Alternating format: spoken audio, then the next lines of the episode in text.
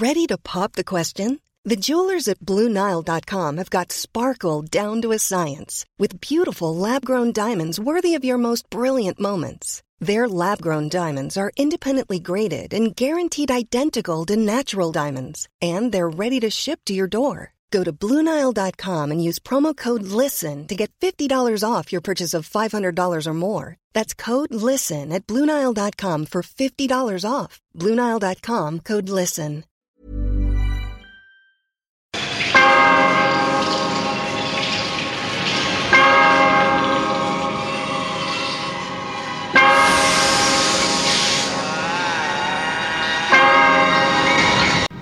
Going to give the people what they want.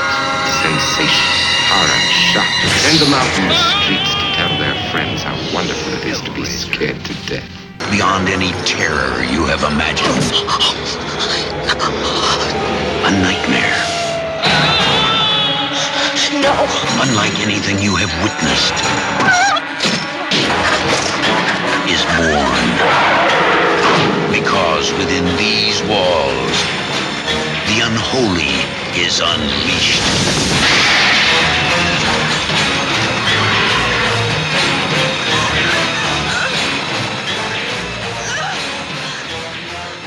Hi, my name is Nathan Johnson from The Hysteria Continues, and you are listening to Skiffrin Seekin. Välkommen till Skräckfilmscirkeln. Och idag så ger vi oss av ner mot avgrundet för att besöka helvetet och eh, demonernas värld. Eh, Jag, Patrik, kommer vara din guide bland demonerna. Och eh, tillsammans med mig har jag den demoniskt och ryslige skräckfilmsvärlden Fredrik Rosengren. Välkommen till helvetet! Tack så mycket Patrik, trevligt att vara här. Ja, ja, det är varmt idag. Det är ju det. Kan trivas på en grå och trist kall novemberdag. Precis, då drar vi åt helvete. Ja, då drar vi åt helvete och vilar upp oss lite. Tillsammans med våra demonkompisar. Jajamän. Ja, hur har det varit sen sist? Ja, men det har varit ganska bra sen sist. Eh, Jag har eh, jag har haft det ganska lugnt nu på jobbfronten. Jag går ju fram som vikarie här nu, men just nu håller jag ju på och söker eh, utbildning i och med att jag kom in på min prästutbildning här, vilket jag tycker väldigt mycket om. Det är utmärkt. Ja, visst är ju det. Eh, Och så nu till våren här så har jag förhoppningsvis kommit in eh, på, i Uppsala här så jag kan plugga klart och göra klart det sista. Så eh, om några år så är jag då prellepräst och det vore ju trevligt. Ja, en skräckfilmspräst. Skräckprästen. Ja, exakt. Ja, det, ja, men du, du blir ungdomspräst så lär du ju göra succé. Jajamensan. Ja, eh, jag har ju däremot tvärtom fått massor mycket mera jobb. Så eh, ja, jag hj- hjälper ju till på ett annat företag än mina egna. Så det har varit en- gått i ett, så jag har inte hunnit titta på så mycket film. Ja. Eh, men vad säger du, vad har du sett? Eftersom du Jag har haft sett- tid.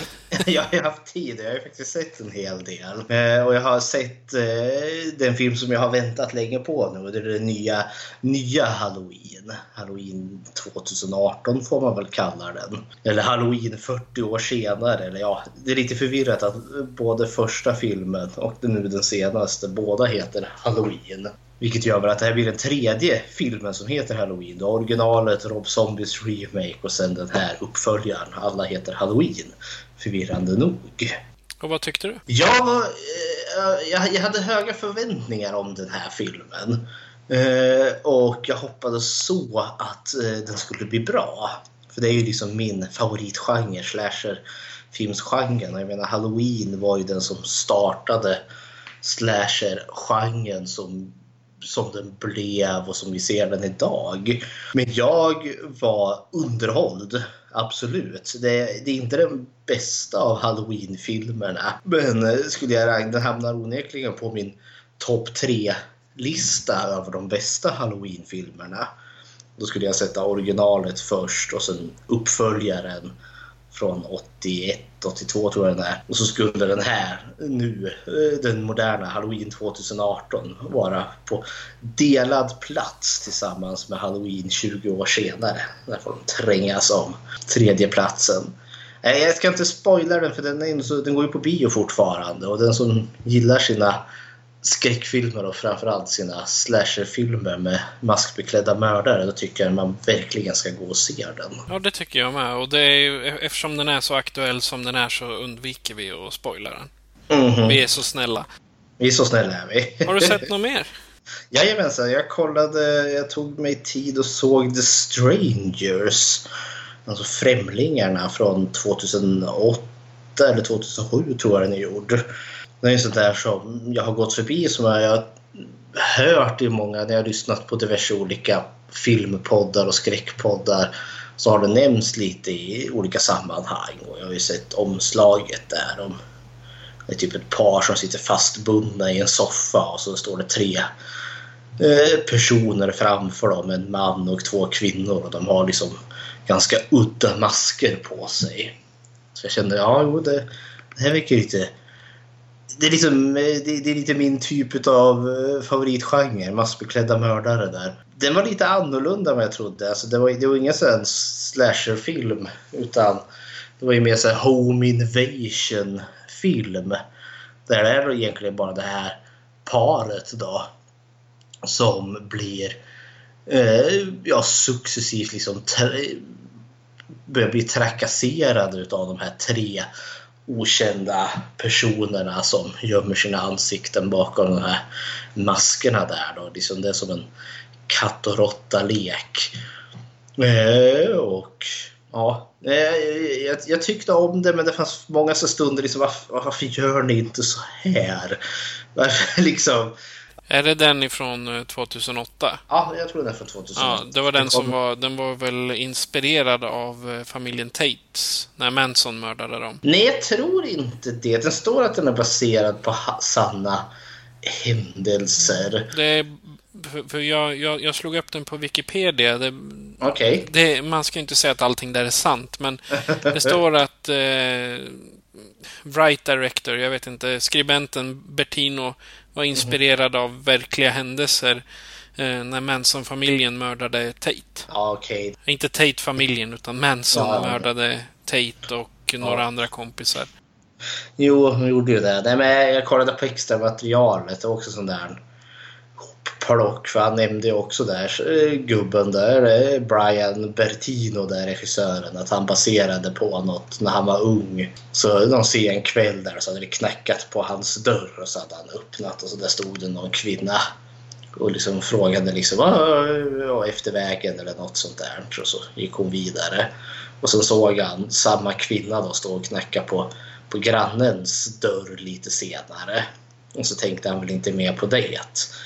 Eh, men så slog det sig. Han visste ju att grannarna inte var hemma och så när han vaknade då var polisen där för då hade hon brutit sig in och gjort inbrott i det huset. Och det beskrev han då i extra materialet att det var en del av inspirationen för det är precis så när den här terrorn börjar med att det knackar på dörren och så är det någon som öppnar och så står det en ung kvinna där utanför och frågar efter någon, om det är någon, någon, person som bor där. Och så nej tyvärr hon bor inte här. Men det är så de börjar och det, det är där liksom som är skurkarnas förklaring vilket var lite kusligt. Liksom. De frågar varför gör ni så här? Och så svarar de ja bara för att ni var hemma. Så de har liksom gått runt och knackat dörr tills någon har svarat. Och där fanns några personer och så beslutar de sig för att ja men de ska vi mörda. Ja. Nej, men det, det, den var underhållande och det kom ju en uppföljare här tidigare i år. The Strangers Pray at Night. Som är då fortsättningen när de har valt en ny familj som de ska mörda. Ja, det, alltså, det där låter ju... Det är lite aktuellt också nu för det är jättemånga som får att någon knackar och säger hej, jag vill ha vatten. Och sen slutar det med att de bryter sig in och, och länsar hemmet. Usch, vad ja, ty Tyvärr, eh, man läser ju om det. Det är ofta på äldre. Ja, jo. Eh, och eh, visst, det, det finns äldre som är... Ska jag, säga, jag, om jag, säga, jag talar inte negativt om äldre. Så är det. Utan det är att det, de ger sig på de här stackarna som är mm. typ halvdementa eller jo. har ett, en funktionsnedsättning Då, men då är det ju liksom jobb de har lagt ner bakom det. Mm. Liksom, kolla på den här personen. och, Ja, de gör likadant varje dag. Och sen hon glömmer bort sin dotter. Ja, eller så har de kontakter inom äldrevården eller vad som helst. Mm. Det är ju så hemskt. Ja, det är så lågt. Man blir bara så arg. Ja. Och här då, då är skräckfilmsvarianten då, då de är beväpnade med maskor och yxor. Ja, exakt. Och det, och det vet man att det inte är på riktigt. Nej. Har du kollat på något mer skoj? Ja, jag har sett en film till som var en seriös överraskning. eh, Som hette då End of the Line. En kanadensisk eh, skräckfilm eh, från 2007 gjordes den. Och det är en sån där som var liksom var lite under radarn som jag tycker borde vara mer omtalad och mer Eh, kult än vad den egentligen är. För jag har sett några så här, eh, i mina Facebook eller Instagram-kontakter, liksom andra eh, intresserade som gillar skräckfilmer så har just den här filmen End of the Line dykt upp mer än en gång och blir hyllad. Åh, den är så fantastisk underbar. Eh, och jag hade den stående så hyllad men inte sett den så tänker jag men nu klämmer jag i den och ser vad, eh, om den nu är så bra som de påstår att den är. Och det var den. Oj, oj, oj. Det här var det här är liksom den mest trevligaste film jag har sett på, ja, på ett bra tag, då, förutom nya Halloween. Eh, nej, men den handlar om... Den utspelar sig i någon, ja, någon stad i Kanada där. Ni får följa någon eh, sjuksköterska som då arbetar på psykiatriska avdelningen på något sjukhus och så efter ett långt arbetspass är hon på väg hem. Och liksom parallellt med det här, liksom bara i bakgrunden så sitter det stora liksom affischer på någon pastor från något så här riktigt ja, det, det, det är så överdrivet religiöst. Och liksom, det Jesus älskar dig och liksom eh, joinas och allt vad det nu är. Eh, och liksom, det finns med i bakgrunden men man ska liksom inte tänka så mycket på det. Men det är väldigt mycket. Det är så mycket så att man kan liksom inte låta bli att ha det liksom i bakhuvudet. Och så när de sätter sig på tunnelbanetåget så plötsligt Ja, alltså, det, det, någon trycker på nödstopp. Så eh, tunnelbanetåget eh, blir ståendes där i den mörka tunneln. Och så plötsligt på någon given signal eh, så börjar personers typ personsökare surra. Och de tar upp den och så tittar de på den så har de fått något meddelande som vi inte får se.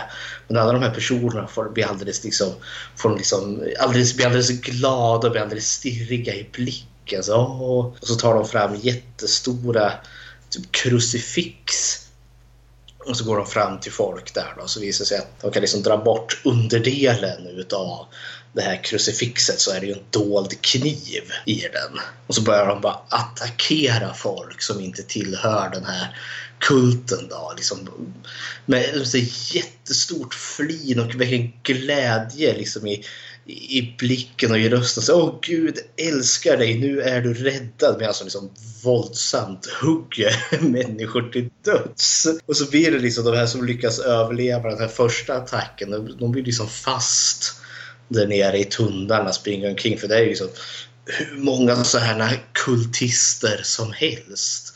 Och det visar sig att det, det är ju något sånt domedagskult nu då som har fått för sig att domedagen har nu kommit och att de eh, räddar folks själar här då till himmelriket genom att döda dem just med de här vapnen för de är då välsignade från Gud.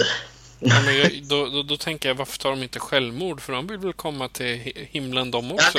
nej, de, de, de är ju liksom ins, de är ju redan frälsta. Nu är de ute och frälser de som inte är frälsta genom att knivhugga dem till döds innan demonerna och djävulen kommer upp på jorden här. Jag ska, jag ska inte spoila mer vad som händer men alltså jag har varit jag, jag, jag tyckte den här filmen var fantastisk. Den var mycket mer våldsam än vad jag trodde den skulle vara. För kanadensiska skräckfilmer tenderar inte att vara så jätteblodiga. Men jösses vad den här var blodig. Eh, och skådespeleriet är jättebra och skurkarna, de här kultisterna, de är så jätteobehagliga för de är så övertygade om att ja, men, det kommer ju bli bra för dig. Alltså jag, det är ju olyckligt att jag, att jag måste liksom knivhugga dig till döds men förstå att jag gör det bara i kärlek. Och det är, det är, så, det är så creepy så jag vet inte vad jag ska ta vägen. Nej, jag, jag måste väga. Det var, eh, det var den här veckans överraskning till film. End of the line från 2007. Den rekommenderar jag varmt. Okej. Okay. Japp, eh, jag har fortsatt med min älskade Scream Queens. Mm och eh, nu är jag på säsong två. Och det är nästan som när man går på American Horror Story och de ger sig in i det här Asylum. Okay. Är det säsong två eller tre? Asylum, det är tvåan. Ja, det är tvåan, ja precis. Och här är det i, i första filmen, eller första, första säsongen med Scream Queens så är de ju på ett, en sorority. Och nu så har, har Jamie Lee eh, öppnat ett sjukhus Jaha. för några pengar hon har tjänat ihop och då flyttas allting som händer dit. Så det är, det är nästan lite kopia av, av American Horror Story i okay. sättet. Men det är samma karaktärer, förutom mm. det är en som har försvunnit. Men annars är det, det är samma, samma skådespelare och så någon enstaka ny. Är det, är det samma skådespelare som spelar alltså samma karaktär? Det var karaktärerna ja. som överlevde från säsong ett som är tillbaka i säsong två. Ja, precis. Jag, jag, okay. jag, jag, ska inte spoila slutet på säsong ett för det är lite avgörande hur okay. man ska komma in i säsong två. Nu är det ju en gammal serie men jag tänker fortfarande inte säga det här. Istället för den i, i, första säsongen så är det ju den röda djävulen som är mördare. Och nu så är det någon så här grön, eh, grön djävul eller någonting. Okay. En grön bock tror jag det är han är utklädd till. Det känns som vilken otur Jamie Lee Curtis har. Då startar en skola och får en maskbeklädd mördare och sen startar hon ett sjukhus och får en ny maskbeklädd mördare. Ja, precis. Och sen ja, det, det är ju stjärnspäckat för en av de som är eh, läkare där på sjukhuset. Han, eh, han var med i Cityakuten väldigt länge. Ah, nu kommer jag inte ihåg vad han heter riktigt, men eh, när man, om man nu tittar på Screen Queens så kommer man förstå. Mm. Och sen har jag kollat på Fredag den 13 igen. Den första filmen alltså, och självklart originalet. Och jag, jag tröttnar aldrig på Mamma Vårhiss. Nej, ja. Nej precis. Det, det, det, går att se hela tiden. Ja, men jag gillar den. Vi måste, på något vis och vänster måste lyckas kunna kruxa in den i skräckfilmscirkeln på något vis och vänster. Det gör vi garanterat. Ja, är, jag älskar den filmen jättemycket. Men jag måste villigt erkänna att den har en... Det finns en väldigt lång scen där hon håller på och kokar en kopp te. Är det väl, som jag verkligen känns som att nu försöker de verkligen bara fylla ut tid. Det är verkligen som att jag ser hon går och hämtar kastrullen, fyller den med vatten, ställer den på spisen, tänder spisen, väntar på att den ska koka. tar den från den och liksom stoppar i, i, te, i tekoppen och står där och doppar sin tepåse. Det känns liksom ja, jag behöver kanske inte två minuter av henne bara kokar te. ja, det var väl de, de kanske skulle ta, använda de, de sista rutorna av filmrullen. Jag vet ja, de var tvungna att få upp liksom så att de fick det som en biofilm, vad vet jag, för det händer verkligen ingenting. Det är inte så att mördaren ligger och kryper utanför fönstret. Det är ingen spännande musik. Det är bara hon kokar te i två minuter. ja, men det, det, är lite typiskt det här slasherfilmerna. Alltså, de har en del scener som är helt onödiga. Ja, ja, Utan de är bara där för att fylla ut. Alltså, de menar verkligen fylla ut. Det är som att du har haft mm. i typ eh, sån här eh, fix i en eh, i en spricka i golvet liksom. För att det inte ska blåsa igenom. Då bara, nej, vi fyller ut filmen så här lite grann bara. ja, och sen eh, då sista så kollar jag på American Psycho från eh, 2000. Och jag, jag vart ju lite... Det, jag, har, jag har sett den flera gånger men nu så tittar jag med lite mer kritiska ögon. Men jag tycker det, det var en liten fail. Christian Bale är bra som eh, som, som själva Psycho då. Men eh, ingenting, eh, ingenting går upp emot Norman Bates i originalet. Ja, men nu, nu tror jag du har blandat ihop dem här. Eh, För jag tror American Psycho det är ju ingen remake på, på Psycho. Nej, nej, nej. Det, det, det, nej, nej, nej. Självklart är det inte det. Men eh, jag, jag tänkte, de är ju lika sjuka i huvudet båda två. Jo, förvisso. Men det jag tycker väldigt mycket om American Psycho. Det är ju en filmatisering av han Brent Easton Ellis bok. Det var länge sedan jag såg den, men det är ju liksom det. För han är så grisigt vidrig. Eh, Som den här affärsmannen. Exakt. Det är väl liksom, var väl Brenton Ellis eh, liksom tanken när han skrev sin bok här. Nåväl, nåväl. Ja.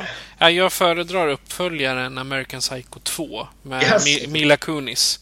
Ja, du lär vara bland de få som gör det.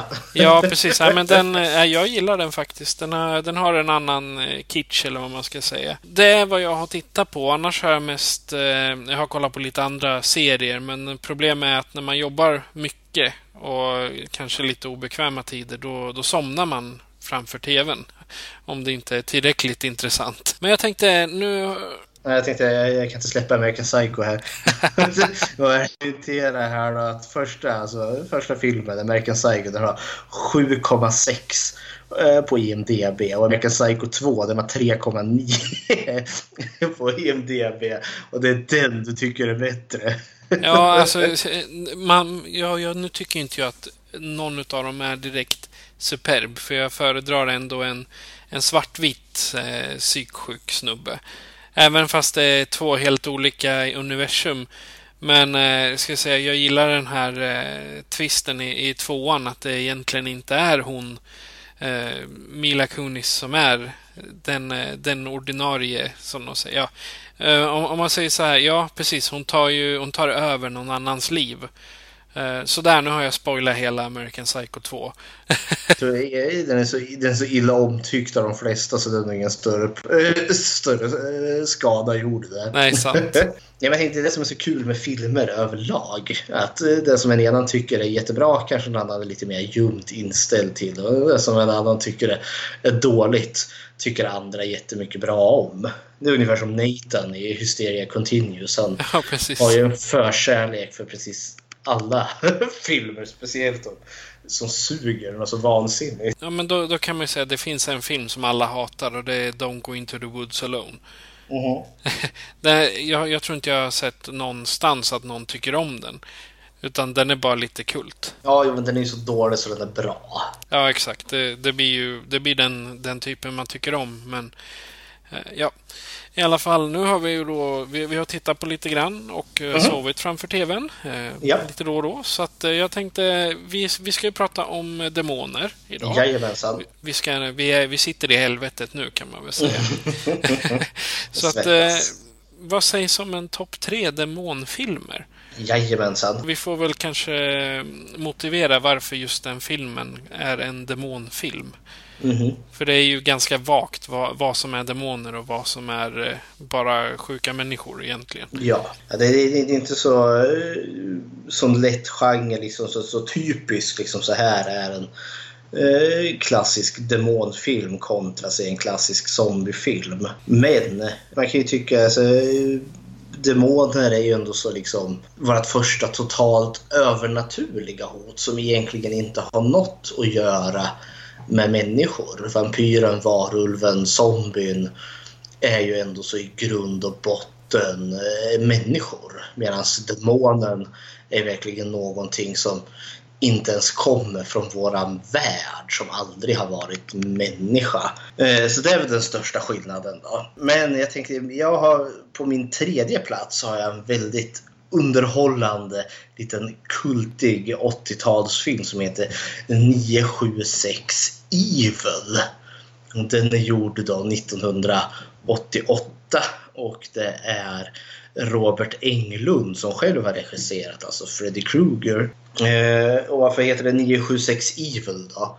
Jo, för det handlar om, alltså det är på den här gamla goda tiden då man hade telefonkioskerna kvar.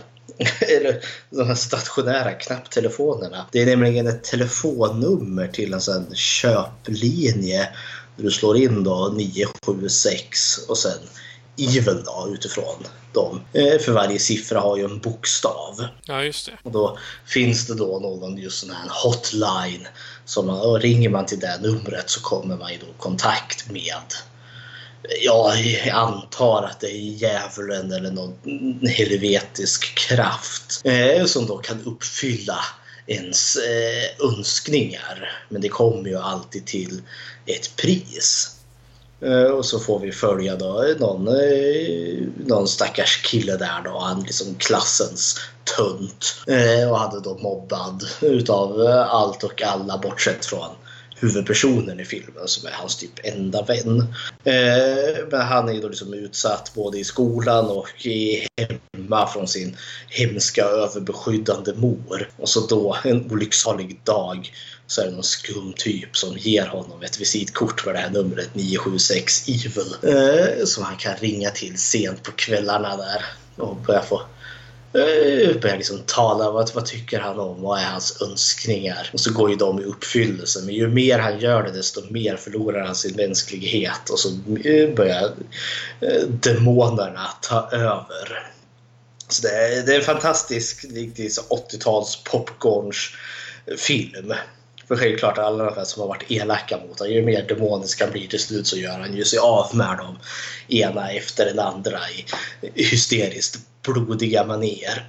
Och det, den rekommenderar jag som alltså en riktigt så underhållande, mysig, dum i huvudet skräckfilm från sent 80-tal. Okej.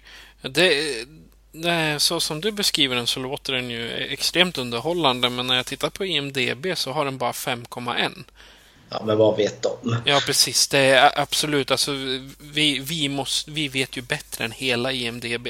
Ja, men du, du gillar ju American Pie. Nej, American Pie. Nu ska du få American Psycho 2 och den hade ännu sämre betyg. Så. Ja. Eh, jag tittar, det finns ju en uppföljare till den, ja. 976 Evil. Och den hade en ännu sämre rating. Men eh, frågan är ju om den har någonting med originalfilmen att göra. Jag vet inte, jag har inte sett den. Men jag för mig alltså den här gick väl någorlunda bra så då försökte man väl casha in med en tvåa. Ja. ja faktum är att eh, det är några utav eh, skådespelarna från första som är med i andra filmen också. Jaha, så där. ja, ja, det är kul. Okej, okay, eh, på min nummer tre så har jag Children of the Corn. Den mm -hmm. första filmen. Eh, baserad på en... Den är från 84 och baserad på en väldigt, väldigt kort novell av Stephen King. Mm -hmm. Och eh, då är det ett ungt par som ska åka igenom en by. Men vad man inte vet är att, eller vad de inte vet innan är att alla barn i alla barn i byn, höll jag på att säga barn i Bullerbyn, men alla, alla barnen har av någon anledning mördat varenda vuxen i hela byn. Mm -hmm. Och eh, då är, beror det på Jebediah. Eh, en... Eh, pre, nej, Malakai heter han. Mm Malakai. Malakai, och han är alltså... Han ser ut som ett barn. Men han har varit en präst i ja, 300-400 år om jag har förstått det rätt. och i och med att han ser ut som ett barn så är han ju, han är ju besatt av den här Malakai eh, själva demonen eller vad man ska kalla det. Och, ehm, ja, han, He who walks behind the rose. Precis, så heter han. Jag tappade bort namnet. Men eh, den är, den är väldigt underhållande. Den har en hedersplats. Den och de eh, typ åtta uppföljarna, eller vad det blev till slut. Den, eh, det är några av mina favoriter i Stephen Kings utbud. Mm -hmm. Vänta nu, nu vart jag lite så här.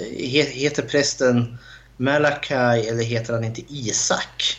Jo, just det. Isak. Malakai är väl hans, eh, den här rödhåriga eh, killen som är hans typ second in command. Ja, just det. Han, ja, så är det ja. Det jo, för IMDB hade upp han, för det är just han, han som spelar ja, den här eh, barnprästen där då. Ja, John Franklin. Ja, för han är ju, han är ju inte ett barn när de spelar in det, men han är ju han har ju någon eh, sån märklig sjukdom som gör att han är väldigt kortväxt och liksom får något sånt evigt ungdomligt lyster. Han gjorde ju eh, eh Chuckys röst i Walkabout Chucky 1988. Jaha. Den onda dockan alltså. Ja, ja, för annars är det ju Brad Dourif som ger röst till Ja. honom. Han, han, eller så är det så att han gör någon av rösterna. Jag ska titta så jag inte skojar med Han kan ju, det kan ju vara så att det är han som spelar själva dockan med jämna mellanrum. Ja, det kan det också Där hade de vara. ju kortväxta personer. Ja, det, det förstås. Ja, för Mm. det var inte alltid de an, använde... Vad, vad ska man säga? Man använde de här stop motion eller... Nej, det så hade de ju, de hade ju så animatroniska dockor i Onda Dockan eller Mm. kortväxta personer som spelade dockan. Okej, ja. Nej, för han, han, han var med i eh, familjen Adams. Ja, ja. Eh, Ch- Chicago Hope han var med i. 96. Ja, det snackar om att gå från skräckfilm till eh, sjukhusserie. Och Star Trek bara någon, någon liten små roller. Men han, har- han har inte gjort några sådana här större filmer efter Children of the Corn. Inte som jag kan se i alla fall. Men det här är ju liksom precis som du sa innan, man ska försöka förklara det här med det här demoniska. För det är lite lurigt med demonfilmer. För jag är helt klart på ditt spår att Children of the Corn helt klart kan räknas som en eh, demonfilm. För det handlar ju som om en demonisk kult. Men jag vet inte, 88 Films, det här bolaget, de lanserar ju Children of the Corn som en slasherfilm. Ja, Och det kan jag förstå också för de är ju beväpnade med häxaxar och knivar och yxor och allt vad det nu är. precis. Men ja, nej alltså det, det är väl en sån demonisk slasher kanske. Ja, precis. Ja, men jag menar, He Walks Behind the Rose. eh, Om jag Ja. inte minns helt fel så är ju det i stort sett en stor mask. Ja, ja, ja. Ja, nej, men eh, Alltså. den, eh, ettan är ju den som är bäst. Sen uppföljarna är ju mera skräckkomedier eller vad man ska säga. De är mera, de är bara underhållande, de är inte särskilt bra. Jajamensan. Men det, det spårar vart Ja. eftersom. Precis, och vad är din nummer två? Min nummer två är Lamberto Babas, den italienska regissörens eh, inte första film utan den andra som heter då Demons 2. Eh, Demons 1 är ju om en eh, demonapokalyps som startar i en, i en eh, biosalong. Och i Demons 2 är det exakt samma story fast nu startar demonapokalypsen i en skyskrapa, alltså en högteknologisk skyskrapa 1986. Och den är fantastiskt underhållande. Det, det börjar med Eh, det ska vara någon födelsedagsfest för en karaktär som heter Sally. Och jag kan inte förstå att den människan överhuvudtaget har en enda vän i, i hela världen. Och så jäkla bortskämd, grinig, eh, alltså elak människa som bara gnäller på allt och alla. Liksom, ingenting är gott nog för henne. Men tårtan är fel och det är fel märke på champagnen. Me, me, me, me, me, me. Åh, vilken jävla bitch.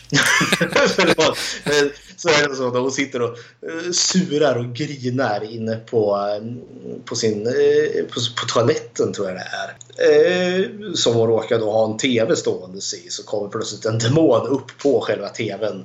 Och så står hon då och tittar på den och så kommer demonens hand rakt ut ur TVn och så river den henne. Och det så sprider en demonsmitta. Eh, och så växer ut stora klor och tänderna blir liksom syrvassa och sen rusar hon ut och börjar riva andra så blir de eh, demoner och så bara eskalerar det liksom. Eh, hur den här demonsmittan håller på att starta i eh, den här skyskrapan. Då. Och, och, och den blir ju inlåst så demonerna kan inte ta sig ut. Men de som är överlevare kan i sin tur heller inte eh, ta sig ut. Utan så då blir de barrikaderade där inne och blodet står i fontäner. Ja, det, det är en fantastiskt underhållande film. Ja, den, det är den italienska, eller hur? Jajamensan. Ja, ja, jag förstår ju om hon eh, bitchar då. Det, det, det låter säkert värre än vad det är. För på, på, ja, men när en italienare är liksom sur, då låter det verkligen... Ja, till råga på allt så är den ju inte på italienska. Alltså, den här är ju gjord för en... Det finns säkert någon italiensk eh, dubbning på den också skulle jag tro. Eh, men den gjordes ju för en internationell release och det är ju liksom en engelsk dubbning på det. Så det är snacka italienska i grund och botten. Jaha, jag är tillbaka nu. Jag vet Jag inte vad det är.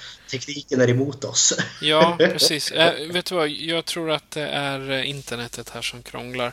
Jag tar och kopplar den mot min telefon. Do it. Innehållet i den här podcasten tillhandahålls av Patrik Norén och Fredrik Rosengren. Producent, det är Patrik. För feedback kan du mejla oss på skräckfilmscirkeln gmail.com eller följa oss på Facebook och Instagram. Där heter vi Skräckfilmscirkeln. När du har lyssnat på ett avsnitt är du mer än välkommen att ge oss en liten rating på iTunes eller på TuneIn. Du kan stödja oss genom att följa oss på Patreon. Patreon.com skräckfilmscirkeln. Genom att donera 14 kronor i månaden så hjälper du oss att utvecklas. Och som medlem får du exklusivt material, giveaways, tidig tillgång till avsnitten samt en chans att vinna filmen vi pratar om vid varje avsnitt. Vi börjar med utlottningarna när det är 20 prenumeranter på Patreon. Sådär ja. Nu, nu ska det vara bättre mottagning. Och min eh, nummer två, det är eh, egentligen inte en, en enda film utan det är Paranormal Activity-serien. Mm. Och, och där, där är det ju där är det ju helt klart en demon, för det är det ju något medium som berättar om till och med. Och sen eh, som i första filmen man ser klövarna där i mjölet Jajamän. och allt. Även om filmerna inte är så där superba, de är inte älskade direkt utav eh, skräckfilmsligan så att säga. Så det, det, det finns någonting där. Och sen framförallt så gillar ju jag eh, found footage då. Ja, det är right up your alley. Och det är, jag är sån där, jag tycker första filmen är helt fantastisk och sen vid film nummer två så kände jag redan nej, nu har jag tröttnat på det här. Ja, men det, är- alltså film 1 till 3, då är, det, då är inte skådespelarna så jättekända. Men i fyran där, då går de verkligen all in och plockar in en massa eh, alltså, etablerade Hollywood-skådisar. ja, ja, så där. Ja, för i... Nu ska vi titta, jag kommer inte ihåg vad han heter. Eh, I fyran så är de ju i ett hus där de... De, de spelar väl... Det är väl någon kompis till dottern som eh, sätter, lägger någon data, dataset så att allting spelas in på alla kameror i hela huset. Nu ska se, det är ju Catherine Newton som är barnet där. Och jag menar, hon har ju en väldigt stor eh, lista av eh, stora filmer som hon har gjort. Mhm. Och det är ju, de är liksom etablerade skådisar. Det blir inte samma sak. Nej. Är det en found footage, då ska det vara de här som, eller anser jag i alla fall, ska vara de här smått okända. Ta Blair Witch Project, de var ju inte heller kända för fem öre innan de gjorde sin film där. Nej, ja, det var ju en del i också. Men det är ju alltid risken också tänker jag med att med totalt okända det är ju liksom att kanske skådespelarkvaliteten är lite si och så där. I och med att det är en sån här found footage eh, så då behöver det inte vara så bra skådespelarkvalitet för den, jag tycker den blir mera autentisk om man säger. Eh, I och med att de, de spelar in sig själva så att säga. Jo, de säljer, säljer illusionen över att det är på riktigt. Men Paranormal måste jag villigt erkänna att eh, jag, jag har sett de tre första filmerna och det är väl typ sex eller sju. Ja, det är fyra, det är fyra som följer samma linje först och sen är det ju i Tokyo och The Marked Ones och sen är det någon, Ja, sen är det någon The, mer Go- som The jag tror... Ghost Dimension har de väl också? Ja, precis. Men den har ju ingenting med eh, de andra filmerna att göra alls. Nej, okej, okay, de är fristående. Ja, den, den är fristående. Så finns det en som heter... Ja, The Marked Ones. Det är den som eh, utspelar sig i Japan eller Korea eller vad det nu är. Okej. Tror jag. Jag ska titta bara så jag inte säger helt fel. Och kommer fram någon på stan och ger mig en smäll. Eh, ska se, vart utspelar den sig? Det, fram, ja, det framgår inte, men det är mycket spanska deltagare här. Mexiko då? Ja, ja kanske, fast det, det, det framgår inte på IMDB vart... Ja, engelska och spanska är det ju, så att det är säkert någonstans söderöver i, på den kontinenten. här. Men, där är det väl återkommande demoner i samtliga filmer. För de fyra första är väl då, för det är väl ett gäng häxor som har frammanat någon förbannelse Ja. på den här stackars familjen och så blir de ansatta av den här demonen som ska ut och kräva sitt pris. Exakt. Och det är väl, ja, det är väl samma demoniska aktiviteter i eh, The Marked One och Ghost Dimension och den här Tokyo Nights eller vad det nu heter. Ja, ja men de, de om något är ju utpräglat demoniskt även fast de inte säger det rakt ut. Ja, men det, det är lite, det är lite eh, ballt ändå måste jag ge Paranormal-filmerna för att de demonfilmer jag har tagit upp då är det alltid liksom verkligen så här monsterdemoner med klor och tänder och horn i pannan. Eh, demonen i, i eh, Paranormal Activity den får vi ju inte ens se. Den är ju och förblir osynlig. Exakt. Vilket är ganska obehagligt i sig tycker jag. Ja, man ser bara fot, fotspåren där efter en natt och lite Mhm. rivmärken här och där. Jajamän. Okej, och din nummer ett? Min nummer uno är The Evil Dead, originalet från 81 som Sam Ramini gjorde där som något form av studentprojekt. Och på tal om skådespelarinsatser, det är väl kanske inte de tajtaste. Bruce Campbell är inte riktigt i sitt hög-S i, i den där filmen. Han har verkligen växt till sig i sitt skådespelarroll. Men den här, oh gudars, den såg jag ganska ung, The Evil Dead. Och den har ju sån atmosfär. Och jag menar första filmen är ju verkligen eh, det försöker i alla fall vara så en riktigt genuin skräckfilm. De andra har ju väldigt mycket mer humor i sig. Men oh vad jag tycker den här är stämningsfull. För de är ju ute i den här lilla stugan ute i skogen och så olyckligt nog i källaren hittar de ju den här boken, den Necronomicon eh, skriven eh, i, i, i människoblod och sidorna är ju gjort utav människohuvud och hela konkarongen. Eh, och så hittar de ju den här, eh, vad heter det, ljudinspelaren över den professorn som hade bott där inne och undersökte. Och spelar de igång då. Han läser ju högt ur den där och det visar sig att det framanar ju demonerna ute i skogen. Och de är också så här osynliga eh, andar, varelser som far omkring. Eh, som, eh, man får inte se dem, eh, men man får däremot se utifrån deras ögon. Liksom man följer kameran där de bara far fram genom skogen och så besätter de ju de här ungdomarna den ena efter den andra. Och de blir ju alldeles vilda där. Ögonen blir kritvita och så typ spricker huden. Och de dreglar och eh, allmänt hemska och vidriga. Säger elaka saker och skrattar hysteriskt. Och enda sättet att bli väckt om det är liksom att verkligen massakera dem. Huvudet ska av och fötter och ben. Och det ska bara, bara flis kvar av dem innan innan man är säker och ska de försöka överleva tills och med att solen går upp igen. För det tycker inte demonerna om.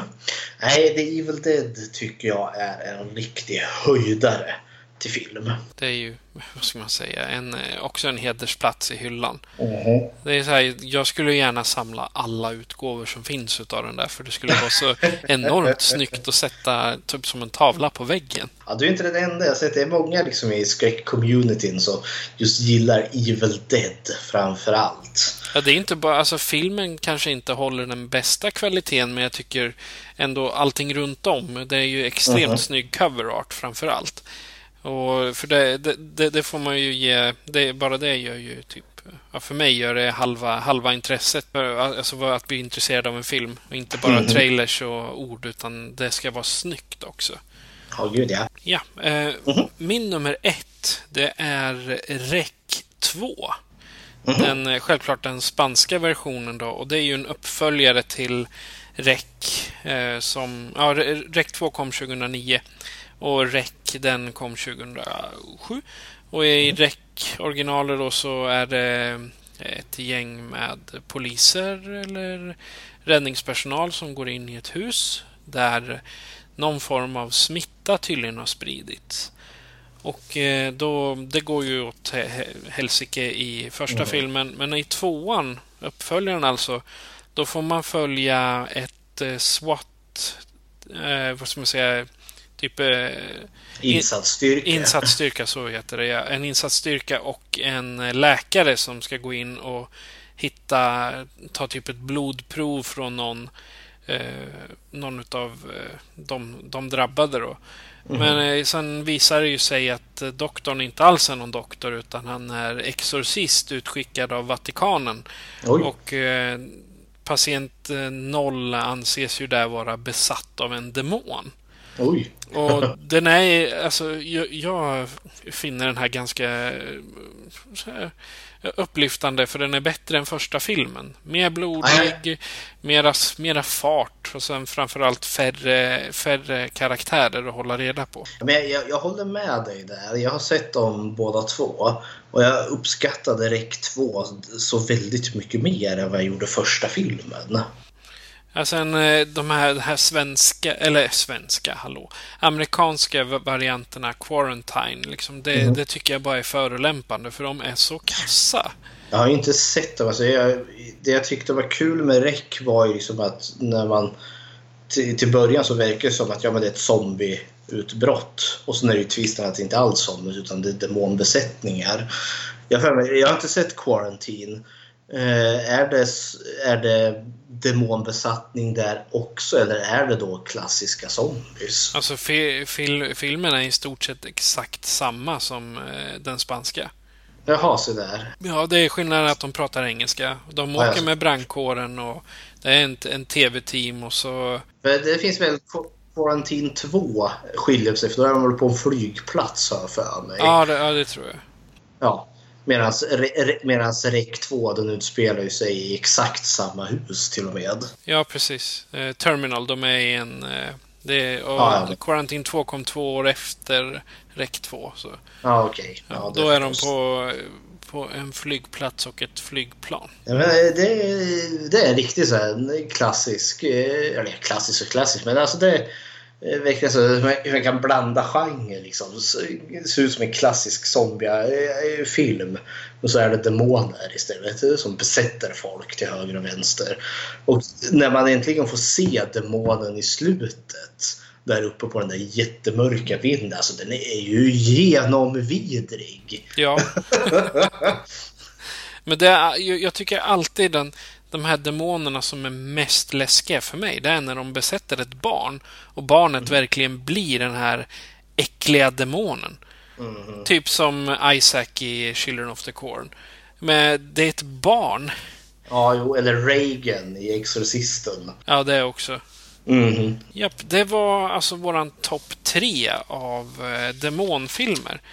Så vi har ju Demonerna har ju faktiskt en både lång och intressant historia. Så att, eh, vad sägs om att berätta lite?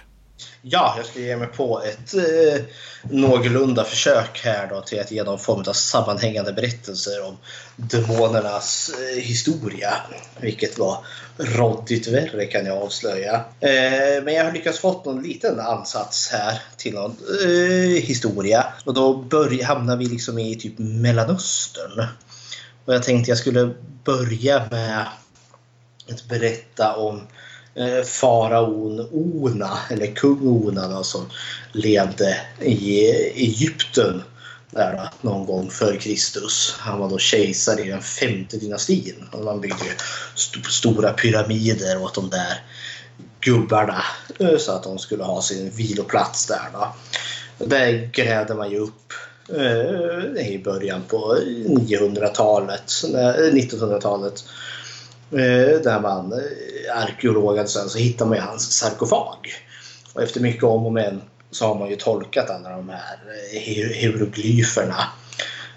Och då finns det nå- något som står om han Onan här då är att, att han varje dag efter att han har dött här då så reser han sig ur sin sarkofag där och så rider han iväg med en häst och vagn där över ett hav utav eld och det ska tydligen representera dagen och ett hav utav vatten och det representerar natten. Och så kommer han då fram till en port som vaktas av en stor, stor orm och genom den här porten så kommer han då till gudarnas värld.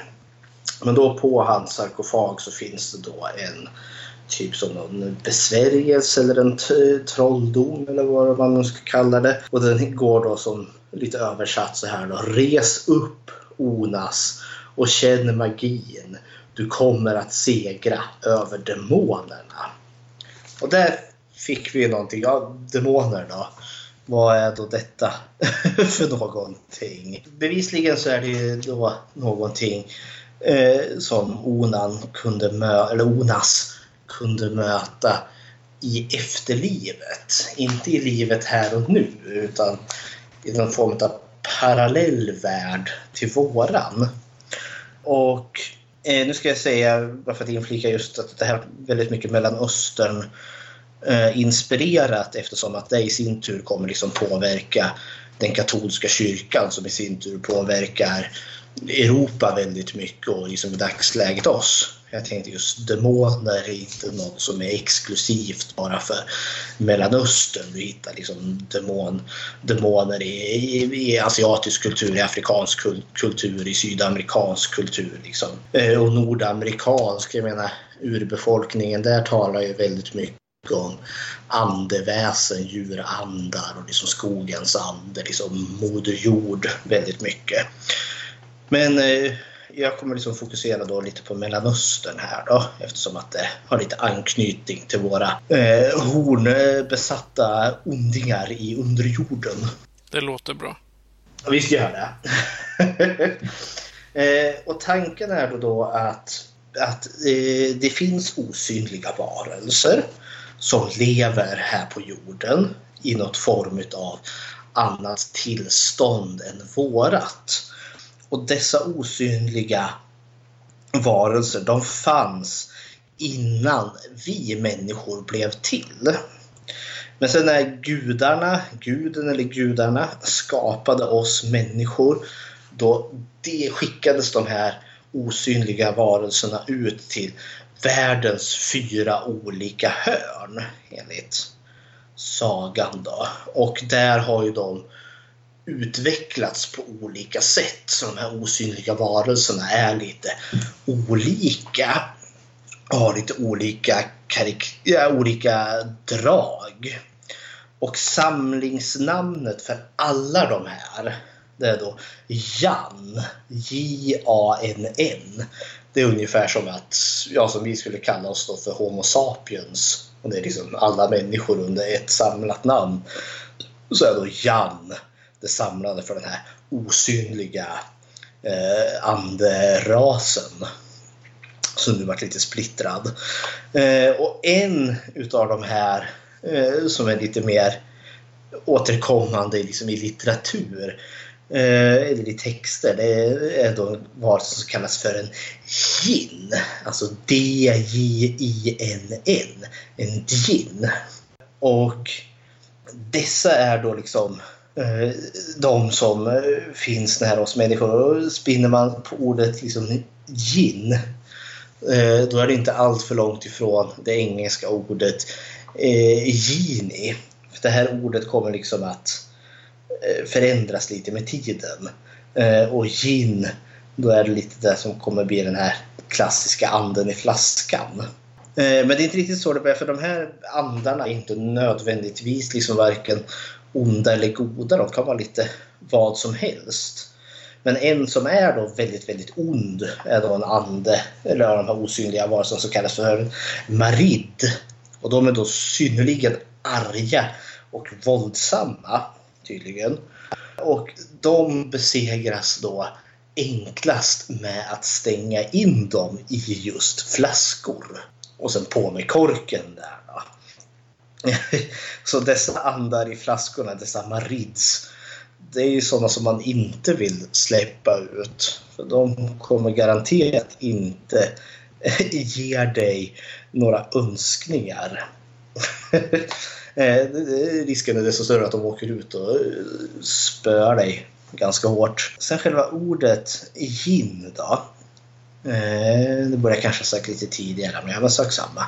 Jin, alltså det ordet kommer ifrån arabiska. Och det betyder eh, alltså oftast gömd eller osynlig. Och det är passande då i och med att man tror att det är liksom en ras av osynliga varelser. Den här liksom tanken om de här osynliga varelserna, det var något som tog fart under den mesopotamiska eran. Och Mesopotamien, alltså det, det är typ som ett, man brukar ju säga liksom att eh, civilisationens vagga startar i just Mesopotamien för ungefär 5000 år sedan. Och vart låg då Mesopotamien? Jo, det är ungefär de landområden som vi skulle kalla för Syrien och Irak idag. Det kallades också lite för den bördiga halvmånen för det är liksom mycket det är väldigt varmt och stepplandskap där men så finns det liksom bördiga floder som går därigenom vilket gör det enkelt att liksom ha handelskaravaner och eh, bygga upp liksom städer kring eh, de här floderna. Och under de här liksom 5000 år sedan, liksom det där liksom den sumeriska och den babyloniska och den assyriska rikena har sina uppgångar och fall. Men alla de här liksom kommer under de här 5000 åren liksom typ förvalta den här tanken och de här osynliga raserna som finns. Och liksom, de börjar få sina sagor och sina rykten och liksom sådana saker. Och de är både liksom eh, positiva som negativa. Men som börjar bli liksom kutymt är ju tydligen att de här osynliga varelserna endast kommer fram på natten tydligen. Eh, och så försvinner de vid gryningen. För det är något de inte tycker om så är det nämligen eh, solen. Lite som vampyrerna då? Ja, det finns ju alltså, den tanken. Liksom att eh, ja, det, det, är uppenbarligen inte första gången liksom onda varelser skyr eh, solljuset och gömmer sig i, i mörkret. Mörkrets gärningar är onda, som man brukar säga. Eh, men de här farliga eh, jeansen, eh, eller marids eller vad man nu vill utkalla dem. De hade liksom fyr för sig med att de gärna rövade bort folk och framförallt barn. Så det var oftast förklaringen när folk försvann. Då. Eh, liksom, och så kanske man inte hittar dem igen. Nej, men då har någon blivit tagen av en sån här elak gin. Och de här ginsen, de här andarna, eh, de bor ju då gärna ute i öknen eller de bor nära vatten vattendrag och sådana saker. Så de som drabbas liksom värst eller har störst sannolikhet att bli drabbade av de här osynliga andarna. Det är liksom så handelskaravaner och typ beduiner som är då ute och som antingen lever i öknen eller reser väldigt mycket i öken. Och då får man ju lägga upp lite så strategier för att klara de här resorna. Men då kunde man ju liksom, alla andar var liksom inte av negativ eh, natur utan man kunde ju liksom eh, gå som en form av deal med de här andarna för att, eh, med de goda andarna då, för att skydda dem från de onda andarna Så on, goda andar som kunde hjälpa en mot de onda är någonting som kallades för en Gnaie. Alltså G-I-N-N-A-Y-E. Gnaie. Och dessa andar, jag de kunde vi liksom samarbeta med. Men en tanke man hade också med dem är att de även kunde ju dela med sig utav sin kunskap och sin talang till människor. För de har ju levt väldigt länge och de har ju funnits här före oss. Och det var här tycker jag börjar lite bli intressant rent eh, ordmässigt. För de kallas för Gnaie. Och när det romerska grekiska riket, alltså det som är romarriket med Caesar och hela konkarongen, liksom blir den förhärskande i de här områdena så har de i stort sett samma sak. Men det, det är alltså samma ord, men de kallas för en geni, alltså G-E-N-I-I. Som senare i Frankrike kommer att kallas för genie, som i engelskan då blir genie. Och där har du ju det ande. Men om någon säger, för jag tänkte där, om någon säger att man har en talang eller ett smart, eller smart, då brukar det heta att man är ett geni. Så jag tycker Gnaj till geni till geni, Gnaj till geni. Ja, eh, det är liksom folk med så oväntade talanger. Liksom. Beethoven var helt fantastisk på att spela sitt piano. Ja, var det han eller var det ande som gav honom den talangen? Ja, ja men du ser. Så Eh, andarna är liksom inte alltigenom farliga här kan man väl inte kalla det. Men eh, alltså sen vi har ju den romerska eran och de tror ju på sina gudar. Det är Mars och Jupiter och Apollon och hela konkarongen. Men sen typ eh, blir ju det romerska riket kristnat. Alltså där kejsare Konstantin har jag för mig. Där slår ju näven i bordet och säger att nu står vi inte ut med alla dessa religioner. Nu har vi en och det är kristendomen. Det gör man ju inte över en natt. Liksom bara byter religion sådär. Så eh, tankarna om den här osynliga världen som lever tillsammans med oss liksom levde ju kvar väldigt mycket. Och i den, eh, när det väl liksom, säger började bli kristnat då kom det här namnet Gnai eller Jin att ändras. Och då börjar man, alltså det namn för den här osynliga rasen då kallas då för Daemon. Alltså D-A-E-M-O-N-S. Daemon. Och det låter ju väldigt mycket som Demon som det senare kommer att bli. Och då ansåg man att dessa osynliga varelser var ju då budbärare som gick då mellan oss människor och gudarna eller guden som det senare kommer att bli. Med, alltså med våra böner och eh, våra offer och liknande. Så det var de som liksom gick tillbaka, tillbaka till guden och så om guden svarade och kom med belöning så var det de som kom tillbaka med det. Men sen vart efter tiden gick, för man, man tillbad ju de här daemonens och eh, alla dessa olika varelser som fanns. Och, vill man, och det ville ju inte den kristna kyrkan att man skulle göra. Så den enda du ska tillbe är ju, då, är ju Gud och Jesus såklart. Så då vill man ju få bort sådana här eh, gamla sedvänjor. Och någonting som är väldigt enkelt att göra det, det är liksom att konstatera att dessa varelser är onda. Och så har vi, så har vi löst den ekvationen. Så eh, då blir Daemons Demons.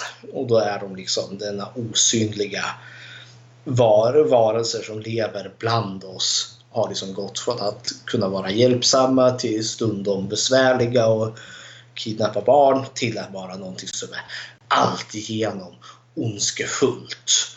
Och då eh, det är, liksom, det är då liksom änglarna kommer in som de goda budbärarna och demonerna som de onda som har kommit liksom för att ställa till det för oss. Så kan man säga, alltså rent eh, om man säger biblisk tolkning kan det vara att demonerna är samma av eh, samma typ som Lucifer, att de blir utkastade ur änglavärlden?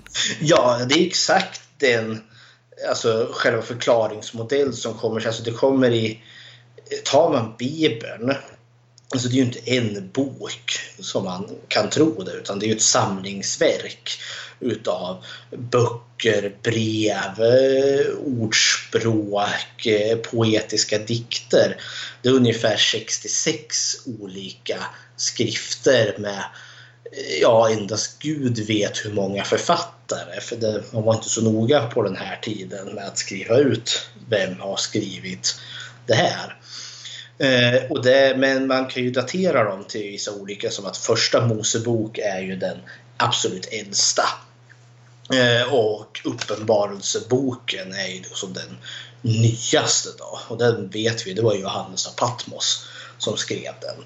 Men det är just i den absolut sista eh, Uppenbarelseboken, det är där du får eh, den här förklaringen om just Lucifer, Satan eh, och hans fall ur himlen. Där då. då beskrivs det i den om, eh, om Lucifer där då, som är en utav de fyra namngivna änglar som finns i Bibeln. Det finns många änglar men det finns bara fyra som har namn.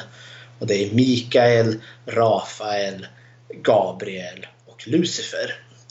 Och Lucifer är då typ, han är också kallad för morgonstjärnan. Han är då väldigt jag menar, alltså, det är ljusets ängel på något vis som vänster och han ska tydligen vara väldigt duktig på att spela musik. Han kan spela så vacker musik så att det liksom kan stilla Guds vrede till och med. Men han, efter att Gud har skapat människan, för Gud har ju då skapat änglarna först och änglarna är då skapta liksom av, eh, av eld, brukar ju de vara beskrivna, medan människan är ju skapad då utav, utifrån lera och jord. Eh, men Gud har liksom blåst sin ande i människan, alltså det som är själen. Och det är någonting som änglarna inte har. De har liksom inte Guds ande i sig. Men Lucifer anser ju liksom att han är ju värd minst lika mycket liksom beröm. Han behöver kanske ha mest beröm utav dem alla. Man brukar säga att högmod var djävulens fall. Eh, och där då resulterar tydligen i att han startar ett uppror i himlen som ska vara det himmelska kriget där då. Men då är det ju ärkeängeln Mikael som är det minsta av alla änglarna som i strid där då lyckas såra Lucifer med att stöta sitt svärd i hans buk där då.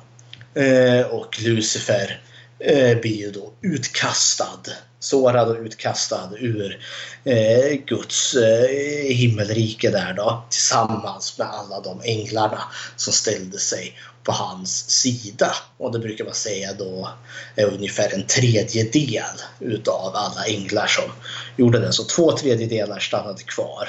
Djävulen och, eh, eller Lucifer som då blir djävulen och en tredjedel kastades ner på jorden här till oss. Åh, oh, vad snällt. Det var väl hyggligt ändå. och så är väl han lite pissed off och sur får man väl misstänka där. Och så för att jävlas med Gud antar jag så sätter han sig an oss då. Oss stackars människor här då. Straffa, straffa Guds barn. Jajamensan. så det, men det vart väl liksom det är liksom den, den mytologi som ändå så finns inom Bibeln.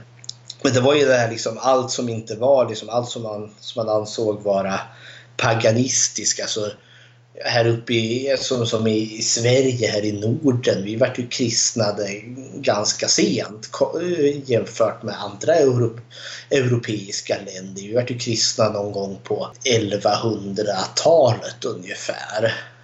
Alltså 11 eller 1200. Vid 1200 då var väl hela Sverige kristnat. Men vi hade ju våran asatro och andra liksom. Vi hade ju mycket sånt och det var ju ett sätt liksom att få bort Eh, gamla liksom sedvänjor och sådana saker. Det var ju liksom att göra dem ondskefulla helt enkelt i folkmun där då. Så en del som typ Skogsfrun som vi har eh, har ju kanske en gång i tiden varit ett helt annat folkväsen innan man liksom i folkmun då gjorde henne ondskefull. Och så kanske det var ett mer liksom trevligt väsen, vad vet jag. Men allt sånt där liksom som folk trodde på som inte liksom, man hittade någon form av beröring i i, eller vad heter det, bevis för i just Bibelns texter Det var väldigt enkelt att liksom slänga under att ja, men det är djävulens hittepå och demonisk aktivitet. Så allting präster och kardinaler och allt det, det de inte tyckte om eller ansåg var fel, det var liksom nej, det där är djävulen och demonerna som har hittat på. Jajamensan, och då går det ju illa. Det låter ju som den stereotypa tv-prästen typ. Ja visst gör det. Den här eld och svavelprästen som står där och bara är allmänt elak och dum. Bibeln i sig alltså, talar inte så jättemycket om demoner. Alltså demoner finns helt klart. Eh, alltså oftast beskrivs de ju som orena andar. Och det är svårt om man liksom ska ta dessa berättelser bokstavligt. Alltså Jesus i nya, i nya, nya, nya evangeliet, nu ska du få höra, Nya Testamentet. Evangelierna heter just de texter som handlar om Jesus.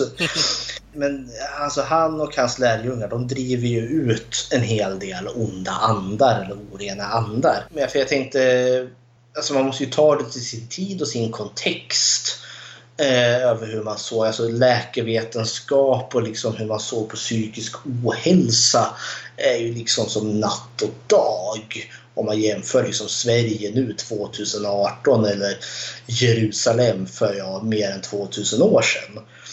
För något som jag har tänkt på när jag läser dessa texter är liksom att många gånger så är det ju för, eh, förtvivlade föräldrar som söker upp Jesus då för att eh, det finns någon demon som plågar deras barn. För att det är någon som berättar om hon har en dotter där då. Den demonen eller den orena anden i henne kan liksom i tid och otid, när som helst plötsligt slå henne till backen och börja rycka och dra i hennes eh, händer och armar och ben. Och för mig så låter ju det som ett krampanfall, eventuellt epilepsi.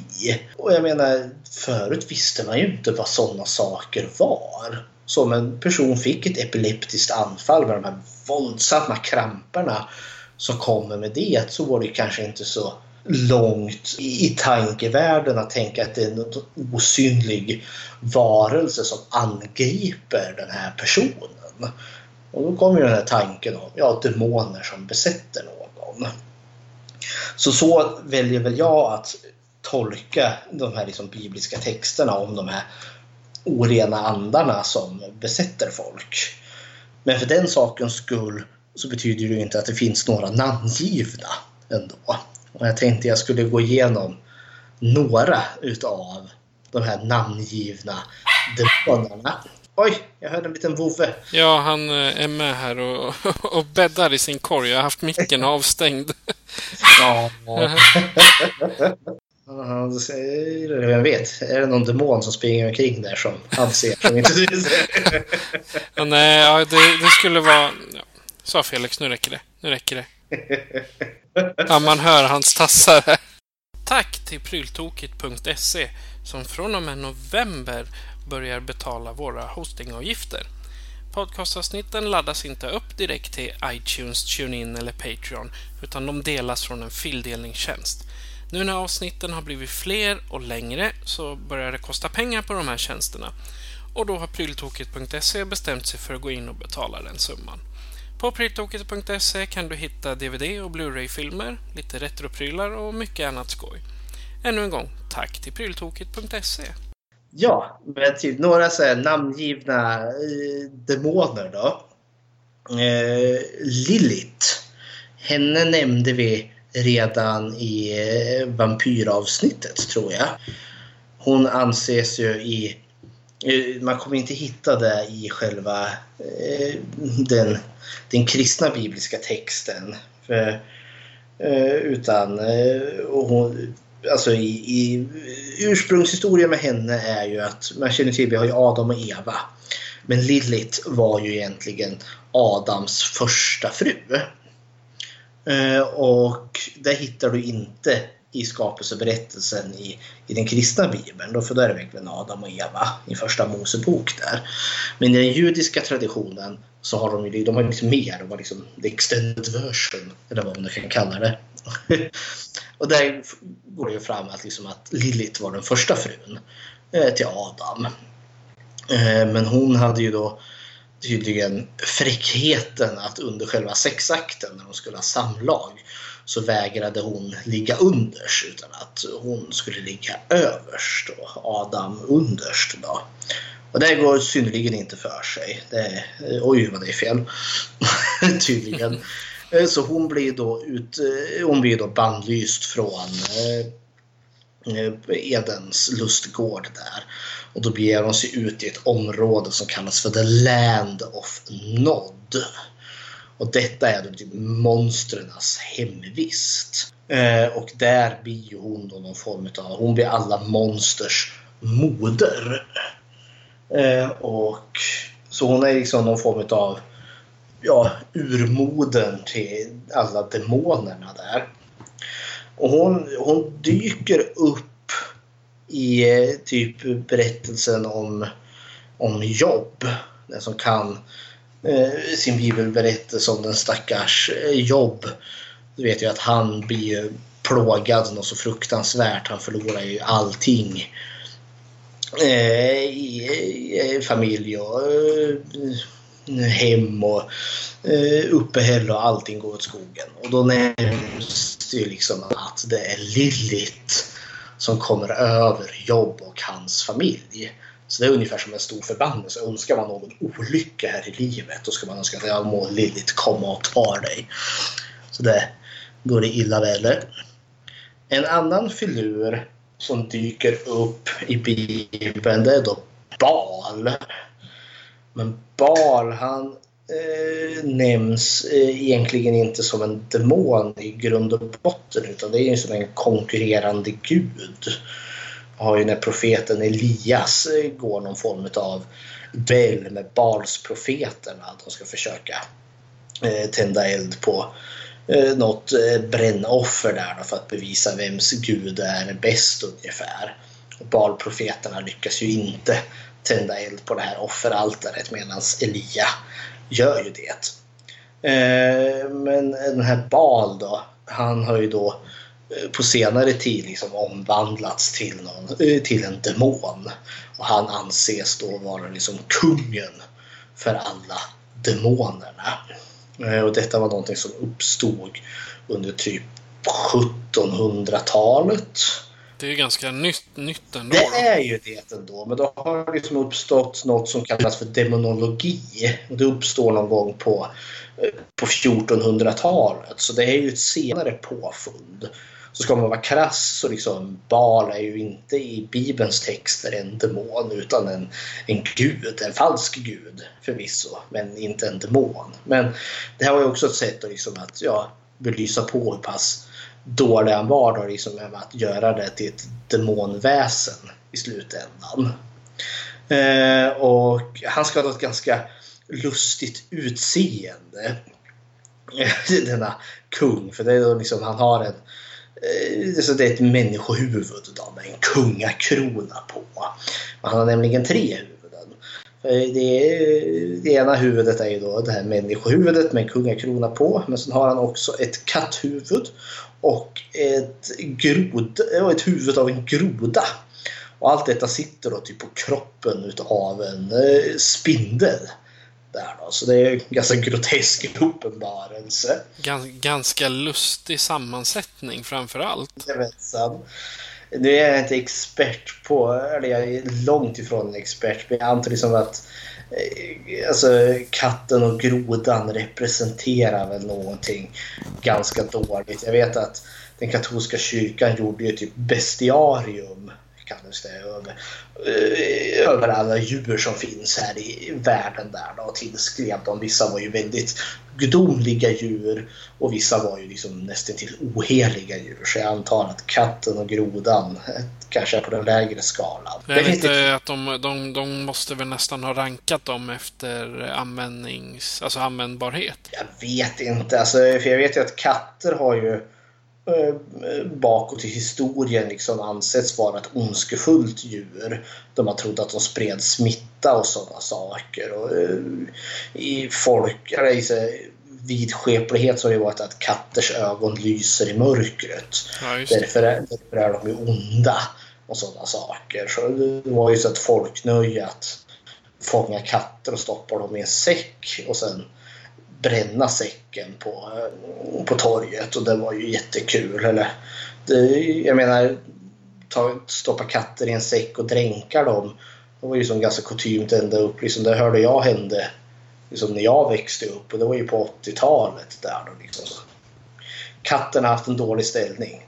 Ja. Eh, är det någon utav, utav er som lyssnar som har koll på varför de eh eller vad, vad för ställning vissa djur hade och vilken ranking eller vad man ska säga. Så kan du väl ge en liten kommentar på Facebook eller på Patreon. Jajamensan. Och medan så tänkte jag ska tipsa just om Historiepodden. Det är en jättebra podd. Där har de eh, vikt ett helt avsnitt till just det här. Den kristna kyrkan, eller katolska kyrkan ska man väl förtydliga. Bestiarum. Där då, där de rangordnar djuren Jaha, men Bal då? Han är demonernas kung och han är väl typ Satans typ högra hand. Så det är när Satan inte har tid att uh, beordra sina demoner att göra ditt och datt så har han liksom micromanaging lite här för att Bal får ta över. en annan demon som faktiskt nämns vid namn, han nämns i tredje Mosebok, eh, är då Asasel. Eh, han är liksom Azazel också liksom känd som, typ, som syndabocken. Och eh, han nämns liksom i tredje Mosebok. Och då för att vad som händer just då det är, det är ju efter att han Moses har då befriat eh, judarna som har varit förslavade i Egypten. Och det är efter att han har klyft havet där och så vandrar de i öknen. Eh, då nämns Asasen som en av de här ja, demonerna. Står, en demon är det ju i nyöversättningen här men alltså de offrar ju getter. Eh, man offrar ju till Gud eh, på ett brännaltare. Och då, eh, och då offrar man en get eh, till Gud och så ställer man ut en get i öknen där då, som demonen Asasen ska ta.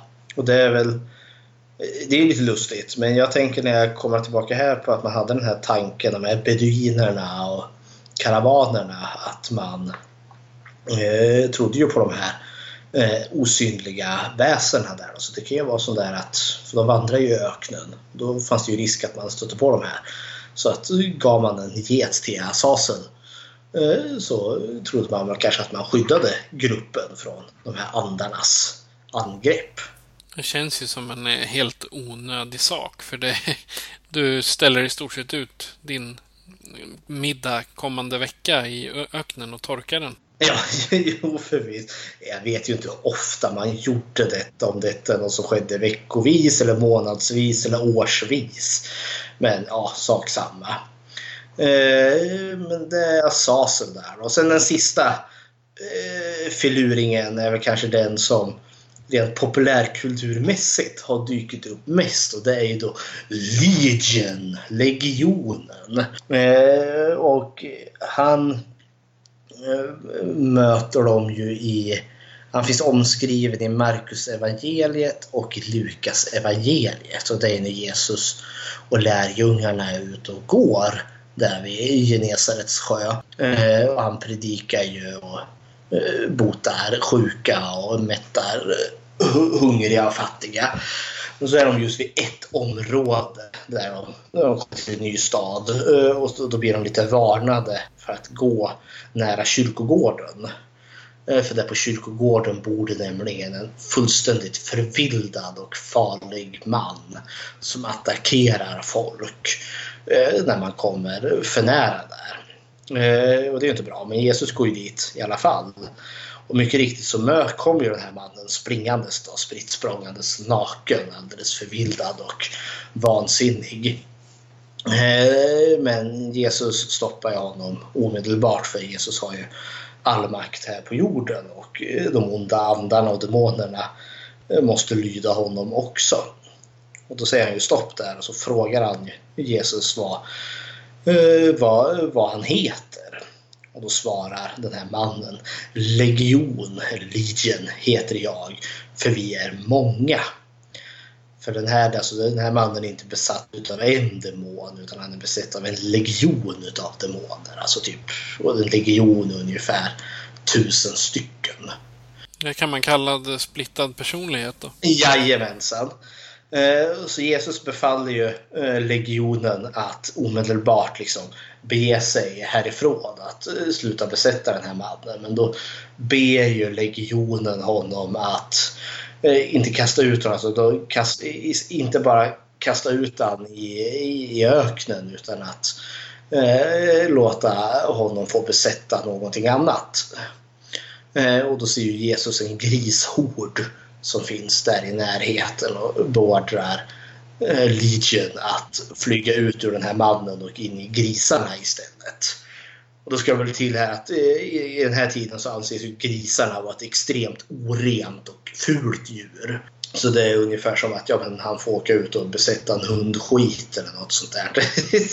Eh, och det som händer är ju att legionen flyger ut ur den här mannen och omedelbart liksom besätter de här grisarna. Och det första de gör är att de springer ner i, i, i sjön här och så dränker de sig. Eh, men den här legionen, jag vet inte hur många skräckfilmer jag har sett där det visar sig då att demonen är då The Legion. Det är, det är han som är huvud eh, Big Bad i eh, den här Stephen King Eh, miniserien The Storm of the Century. Där han, mm. ondingen Andrew Linoge som kliver ombord på den här ön och börjar terroriserar den på ett eller annat sätt. Framgår det ju senare att han har ju ett annat namn. Han heter ju Legion, så det är den demonen. Mm. Men det, det, är väldigt få liksom, demoner som nämns vid namn. Alltså oftast är det orena andar. Då. Men för att komma liksom till slutet på våran del av de historiska demonerna. Alltså hur, hur vart det så här då? Jag nämnde ju någonting om demonologi.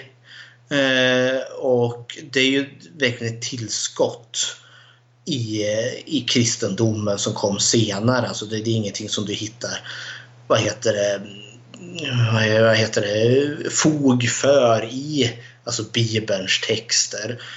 Utan det är någonting som kallas på svenska för Häxhammaren. Alltså en bok som skrevs eh, på slutet av 1400-talet. 1486 vart den väl tryckt för första gången. Och den har ett latinskt namn som heter Malleus Maleficarum. Och det är ju då ja, slarvigt översatt då, eh, Häxhammaren. Och det är då skriven utav en en präst som heter Jakob Spränger. Som han, och han hade väl hjälp av en eh, vän där som heter Heinrich Kramer. Och det är då två dominikanska inkvisistpräster. Och är då en inkvisist. Man är säkert, den som har sett sitt Monty Python vet jag om spanska inkvisitionen. Nobody expects the Spanish Inquisition. Eh, man har väl kanske någorlunda hum om att de brände ju häxor och hade sig. Och eh, Jakob Sprenger och Heinrich Kramer, den som skrev Malleus Maleficarum, är ju de som startar detta.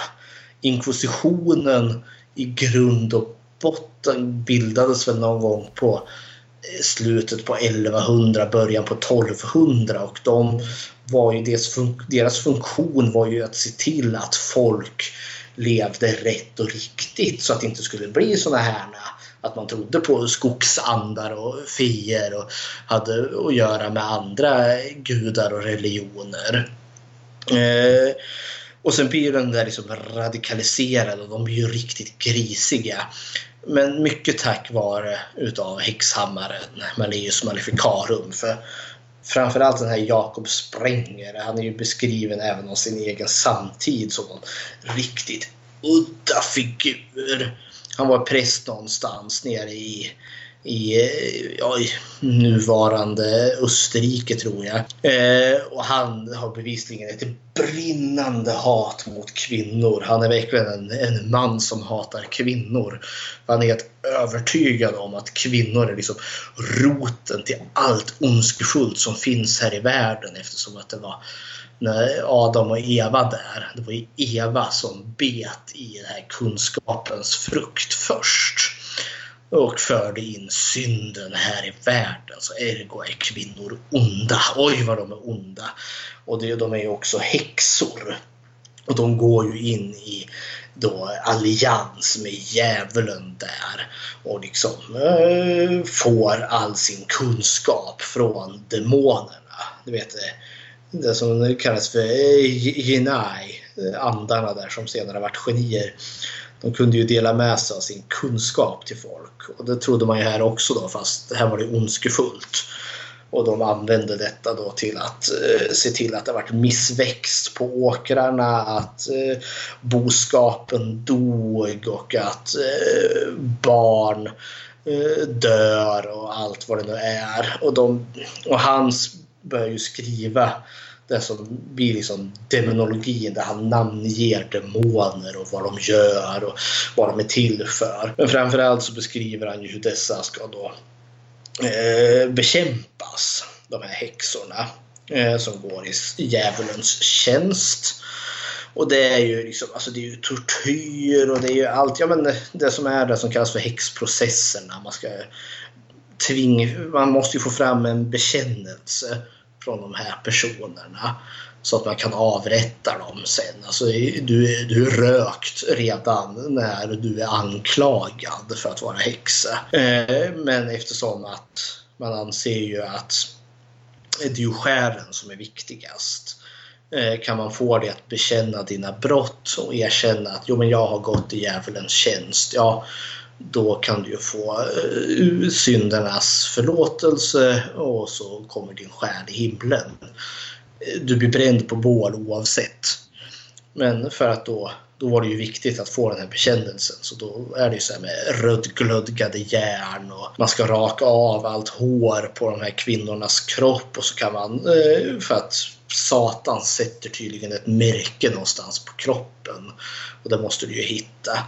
Och I regel så kunde det vara att du stack de här kvinnorna med liksom vassa nålar. För då skulle man hitta en, en fläck, alltså en satansmärket. Då. Eh, för där kommer de inte känna något alls. Alltså de kommer inte skrika eller visa tecken på smärta. Men det är ju väldigt praktiskt. Jag menar, håll på att stick någon med ett vass jäkla nål och tortera under lång tid. Till slut blir man ju så utmattad så att du kommer inte skrika eller säga någonting. Haha, nu är du häxa! Jajamensan, då kom man på aha, se där, nu fick jag ju bevis. Alltså, ja, men han, det här är ju häxprocesserna, men alltså, det är kanske inte så relevant. Men alltså, han, Jakob Sprängler där, han skriver ju om just demoner och eh, lägger grunden till det som blir som kallas för demonologi. Och det är det senare som då tar fart och blir alla de här liksom, demonerna med horn i pannan och eh, alla nivåer i helvetet som de kan liksom ligga på. Eh, allt vad de nu gör och det blir ju någonting som man forskar i och sådana saker.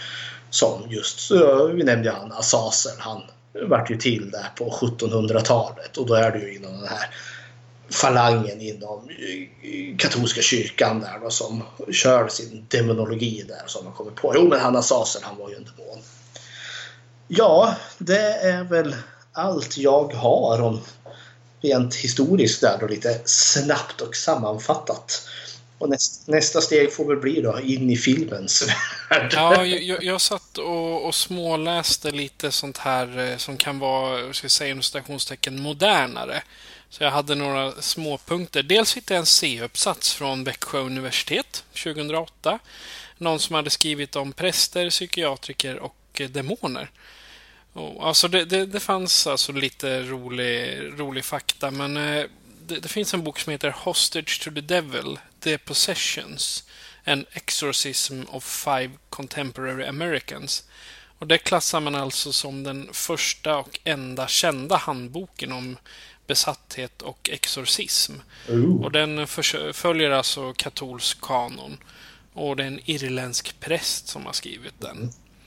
Mm. Och en rolig fakta som jag hittade var att eh, mellan 1970 och 1980 så utfördes det faktiskt upp till 600 exorcismer av katolska kyrkan av alltså utbildade och fast anställda exorcister. Inte dåligt. Nej. Och sen eh, nu, nu, nu, nutidens senaste hundra, hundra åren ungefär så är det oftast inte beskrivningarna av det man säger är demonbesättningar. Det kan mera vara ett resultat eller en orsak till eh, alltså att du, du, du ständigt påminns om att du är, det, du är besatt och du har en demon i dig. Men då kan ju det resultera i att ja, du blir en demon för att du kanske har eh, något problem med din psykiska hälsa eller eh, om du då eh, har e-, epilepsi som du påverkas väldigt lätt av, av omgivningen. Och, jag, menar, jag har epilepsi själv och har varit väldigt, väldigt lätt påverkad av starka intryck av... Eh, om, ja, jag, jag, kunde ibland få krampanfall bara av att vara upp, upp eh, inte upphetsad utan eh, upprörd eller om det var väldigt spännande någonting eller så. Och att då gå fram till någon och säga oj, oj, oj, du fick anfall för du är besatt av en demon. Nej, jag tyckte att det var spännande den här tävlingen eller jag vart glad. Det är så ignorant och så, så dumt tycker jag. Jag tycker det är som att eh, bara, eh, bara göra ont värre tycker jag. Det här är liksom en praxis som jag är väldigt anti, måste jag villigt erkänna. Så, så egentligen, det, om, om en eh, religiös eh, företrädare säger att ja, men du är besatt och det inte är Svenska kyrkan eller någon katolikkyrka eller katol, katolikkyrka, katolsk, katolsk kyrka. De här som är liksom centrala. Det gäller säkerligen inom islam också. Eh, att liksom en människa kan vara sjuk utan att den är besatt. Mm. Vi har ju fördelen nu med den moderna medicintekniken som har funnits sedan jag ska säga mitten, på, mitten eller början på 1800-talet så vet mm vi att du är inte besatt av en demon utan du är kanske eh, psykiskt sjuk eller du mm. har en. Jag menar, du, en del då kan de säkert trott att de var besatta men de får en stroke. Mm. Med, med tanke på hur illa en sån kan se ut. Jo, visst kan man förstå till viss Jag tänker som man, man hör man ser hallucinationer eller man kanske hör röster. Då kan det ju inte säkert bli bättre tänker liksom, om man planterar tanken i huvudet på dessa människor. Liksom, att ja, men det är demoner. Så att ja, och de här rösterna de kommer från helvetet. Då. Nej, så det, det lär ju bara göra ont värre, tänker jag. Ja, då, och, är man, och är man då lite svag i... Svag låter ju, men lätt påverkad då i sinnet. Mm. Då är det ju risken att det blir värre bara. Ja, och sen tycker jag det är, det är fräckt på det sättet att liksom man säger, du, du mår dåligt. Så du är deprimerad, går igenom någonting svårt just nu liksom, som påverkar din mentala hälsa. Och så säger liksom att ja, men det är liksom demonisk aktivitet här. Då. Det är ju, då är det ju risken liksom att ja, men jaha, jag är så, så oren att inte ens Gud älskar mig. Så djävulen kommer här nu och hans anhang och besätter mig. Alltså det, är, det är ju rysligt elakt tycker jag, liksom att slå ner på en människa. Om man lägger liksom skulden på den som är sjuk. Att eh, ja, det är ditt det... fel att du är sjuk. Ja, för hade du inte gjort vad du än gjorde så hade inte demonerna kommit och bla bla bla. Exakt. Och samtidigt finns det ju en risk också liksom att det kan gå åt andra hållet. För behändigt med demoner och demonbesättningar är ju liksom att det finns, du kan ju exorcera ut dem. Men säg liksom att ja, du är inte demonbesatt, du har kanske en annan sjukdom, du kanske är psykiskt labil. Men så går du liksom och får en exorcism, ja men nu är demonen borta och sen Ja, men det kanske inte är så enkelt utan då går du där obehandlad eh, vidare och så kan du ha bara liksom din vanställning förvärrats. Ja, exakt. Jag tänkte som, ta som uh, Manson-familjen. Mm -hmm. I och med att vi förra tillfället så pratade vi om Sharon Tate på studiecirkeln. Och jag, menar, jag tänkte om Man Manson-familjen åker fast efter att de har mördat Susan Tate och kompani där. Och mm -hmm. så mhm. säger de du har en demon i dig. Vi ska, mm. vi ska göra en exorcism, sen kan mm. du gå fri. Ja. ja, sådana skräckexempel har ju också funnits där folk har blivit anklagade för att ja, men du är demonbesatt och nu måste vi exorcera dig vare sig du vill eller inte. Så ja, nej, jag tycker det här är synnerligen grumligt vatten som kyrkan eh, inte borde hålla på med överhuvudtaget. Nej, det, det, får man ju hoppas att den moderna kyrkan, eller jag skulle kalla mainstream-kyrkan eller eh, isla, islamistiska då, att, eh, att de håller sig till vad som faktiskt är och det är religionen och inte de här demonerna. Ja, nej, jag ser det lite som en avart i och med att det kommer så mycket senare där med Malleus Maleficarum och hela konkarongen. Och det känns ju osunt bara det. Ja. Men tyvärr med alla religioner så hittar man seriöst osunda inslag. Ja, och det är ju... Det, är ju, det, det, det, finns nog inte någon religion som inte har sina avskum. Som, som, gör, ja, men som görs, gör skit rent ut sagt i, under Guds namn eller Allah eller Nej. Jebediah eller vad, vad alla nu jobbar efter. ja. ja, men det var, det var lite om demoner. Det var, det var inte mm. sådär jättemycket massivt för det är ju en ganska vag, ett ganska vagt ämne. Alltså nördar man sig in i demonologin då hittar du ju vansinnigt mycket mer. Men... Då hade vi varit tvungna att starta en egen podd bara för ja. det. Helt klart. ja. Men eh, Dagens huvudattraktion är ju Hellraiser från 1987 efter en bok av Clive Barker. Och eh, nu så kommer en liten trailer till den. Ryan Reynolds här från Mint Mobile. priset på nästan allt som går upp under inflationen, trodde vi att vi skulle bring våra priser down. So to help us, we brought in a reverse auctioneer, which is apparently a thing.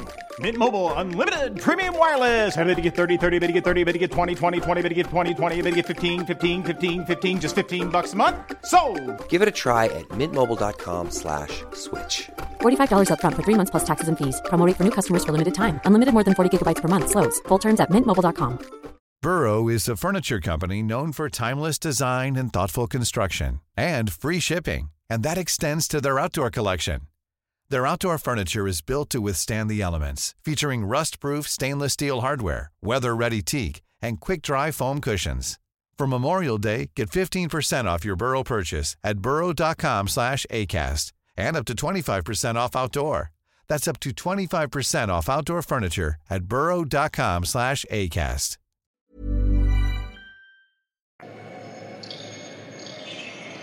Have seen the future of horror. His name is Clive Barker.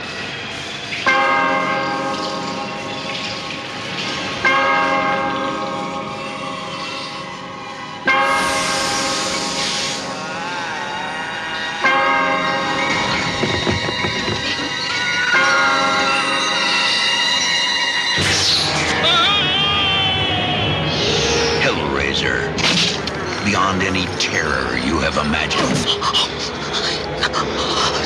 A nightmare. No. Unlike anything you have witnessed. Is born. Because within these walls, the unholy is unleashed.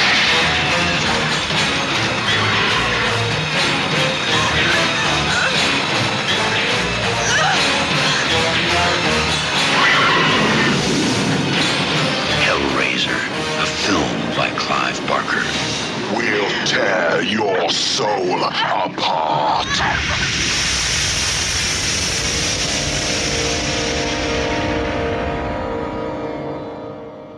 I utkanten av London finns ett hus som stått tomt i många år. Många år. Där i vindsrummet öppnade Frank Cotton den magiska låda han kommit över i Asien. Där gläntade han på locket till helvetet. Där dog han i djävulska plågor. Nu, många, många år senare, flyttar Franks bror in i huset tillsammans med sin fru. Genast känner hon av den kusliga atmosfären och dras till vindsrummet som av en osynlig kraft. En gestalt löser sig i skuggorna. Det är Frank. Han har återvänt från dödsriket, men för att bli mänsklig igen måste han få näring. Och näring kan bara komma från människokroppar. Många, många kroppar. Och det är alltså plotten till eh, Hellraiser. En, eh, ett mästerverk måste jag säga från 1987 eh, av eh, Clive Barker. Du, val, du valde den för x antal år sedan. Vad fick dig att välja Hellraiser? Det, det är ju demoner här, helt klart. Eh, The Cenobites som dyker upp i den här lådan. Men sen också att jag har ju vuxit upp med den här filmen. Alltså jag såg ju den som typ 14-åring för första gången och var ju helt betagen utav den här filmen. Den är så, den är så groteskt våldsam stundom. Eh, men har ju liksom musiken i sig är ju liksom var nästan halva filmen måste jag villigt erkänna. Men alltså det är inte din eh, alltså typiska skräckfilm på det sättet för den har ju liksom inga så jump scares överhuvudtaget. Det är ingenting som direkt som kommer fram bakom ett hörn och säger bu eller något sånt där. Utan den bygger bara en spännande berättelse tycker jag. Ja, den, är- den är liksom eh, creepy rakt igenom. Ja, väldigt. Och det är liksom ödesmättat. Alltså, vi som publik som sitter och tittar på den här liksom vet ju mer än vad karaktärerna eh, i filmen gör. Och då tänker jag ju framförallt på, ja, vad får man kalla det, alltså de, de goda karaktärerna. För det börjar ju, vi får ju följa de här Frank och Julia som verkligen är filmens två skurkar. Får man väl kalla det. Ja. Och typ första halvan utav filmen är ju nästan bara med dem och de, de rysligheter som de håller på med. Och sen skiftar det över till Kirsty och hennes pappa Larry där då, som och drabbas av deras dumheter. Nej, men alltså, jag tyckte väl liksom att den här passar fint för liksom att den är, den är, den är, den har, den är mystisk, den har väldigt eh, stämning, den har chockerande våld. Och eh, demonerna, eller Cenobites som de kallas i den här filmen, är ju liksom fantastiskt eh, underhållande att titta på. För de är ju så... De är snyggt gjorda. Dels det, men det är ju också... Det är inte den här klassiska demonerna med horn i pannan utan de är verkligen förvridna människor. Jag menar som huvudkaraktären Pinehead, han som har typ massa spikar i ansiktet. Och den här kvinnliga Cenobitesen som har liksom någon form av metallställning i ansiktet som håller upp hennes hals. Så liksom man, man ser rakt in i halsen på henne. Det är, det, det är så, det är så bisarrt. så jag kan liksom bara inte låta bli.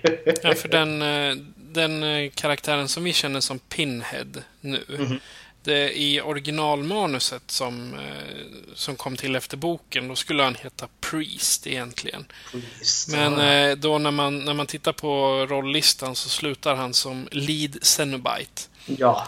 Så att eh, Pinhead vart ju ett eh, smeknamn först efter filmen var publicerad mm -hmm. och så använde man den istället i Eh, alla uppföljare. Ja, jag tycker den här är väldigt sevärd och den är ju liksom, den startar ju en hel franchise. Det är väl, ja gud vad är det? Det är väl typ tio filmer vid det här laget.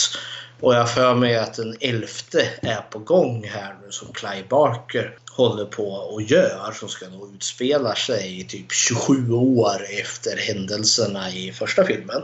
Men jag måste erkänna, när jag började titta på den här igen efter att jag nördade in mig lite där om de här osynliga andarna i Mellanöstern här. Så kunde jag inte låta bli att notera liksom, precis när filmen börjar så får vi ju se Frank eh, som sitter där då och köper den här pusselboxen. Eh, som man, eh, som om man nu håller på med den och den öppnas så kommer ju Cenobitesen där och mördar dig. Eh, den är hämtad från en vandringssägen som ja, ja. kallades för The Devil's Toybox. Och det, det, ska vara en sexsidig kub med inåtvända speglar. Och de som löser den här kuben sägs mm. kunna öppna en typ av portal till helvetet eller uppleva typ massa sjuka fenomen eller hallucinationer som kommer direkt ifrån helvetet. Ja, se där. Nej, jag tänkte den här mellan... För det känns som att när Frank köper den här boxen utav den här mannen så känns det ungefär som att de sitter på någon Mellanöstern-basar. För det känns som att det är lite så arabisk, ganska stereotypisk arabisk musik som spelar där i bakgrunden. Du vet jag, det fanns någon koppling där då till jeansen och jag kunde inte låta bli att tänka på det när jag såg det. Men så var det något jag undrade, för han sitter ju där och köper den här utav den här mannen som sitter där. What's your pleasure sir? Och sen köper han ju den här lådan och jag tolkar det som att de är någonstans i Irak, Iran, Afghanistan, vart tusen hakar som helst. Men det känns som att han måste ha tagit tillbaka boxen till England. För det är väl där den utspelar sig. Ja, det är ju i det här huset i, som de kommer till i London. Ja, i London. Som Franks bror ska flytta in i. Där, ja. Det är ju i det huset han har gjort den här ritualen som man ser i början. Han sitter bland en massa ja. ljus och leker med lådan, eller kuben. Och, och, men eh, sen är ju frågan för... Alltså det här är en, vad är den? Den är nästan 40 år gammal den här filmen. Så Mm. Om, om ni inte klarar av spoilers så säger jag stäng av nu, se filmen och sen fortsätta lyssna efter. Ja.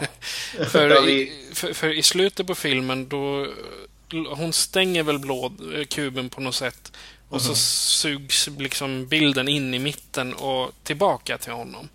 Jajamensan, det börjar ju...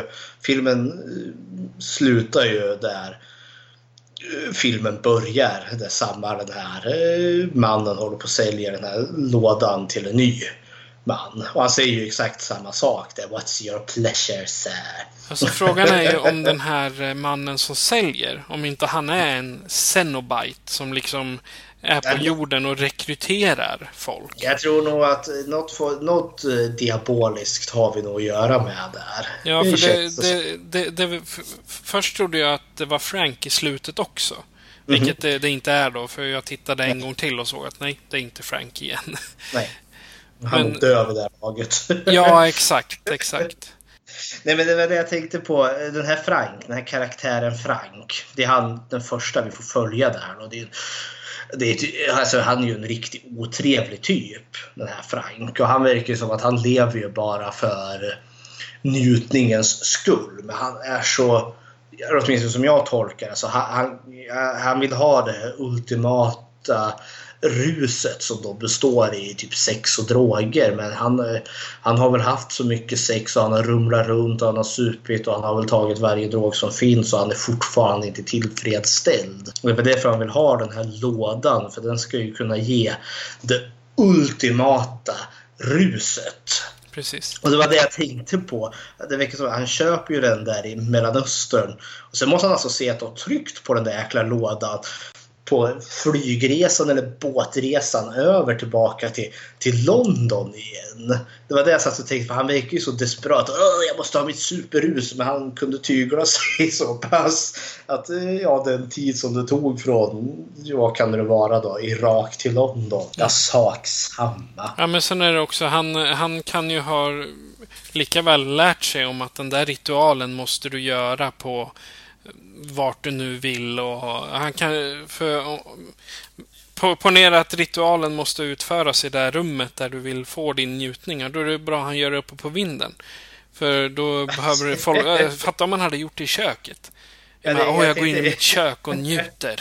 Jo, det är väldigt praktiskt att det just händer på en mörk, mustig eh, vind istället för i köket som du sa, eller typ i, typ i hallen. För det som händer senare i filmen, det skulle bli lite krångligt för dem att genomföra. För det ju, kommer ju ske ett x antal mord här. Och det hade ju varit lite krångligt om det var just i hallen. Det är sånt som lämpar sig liksom i ett mörkt undangömt litet rum. Ja.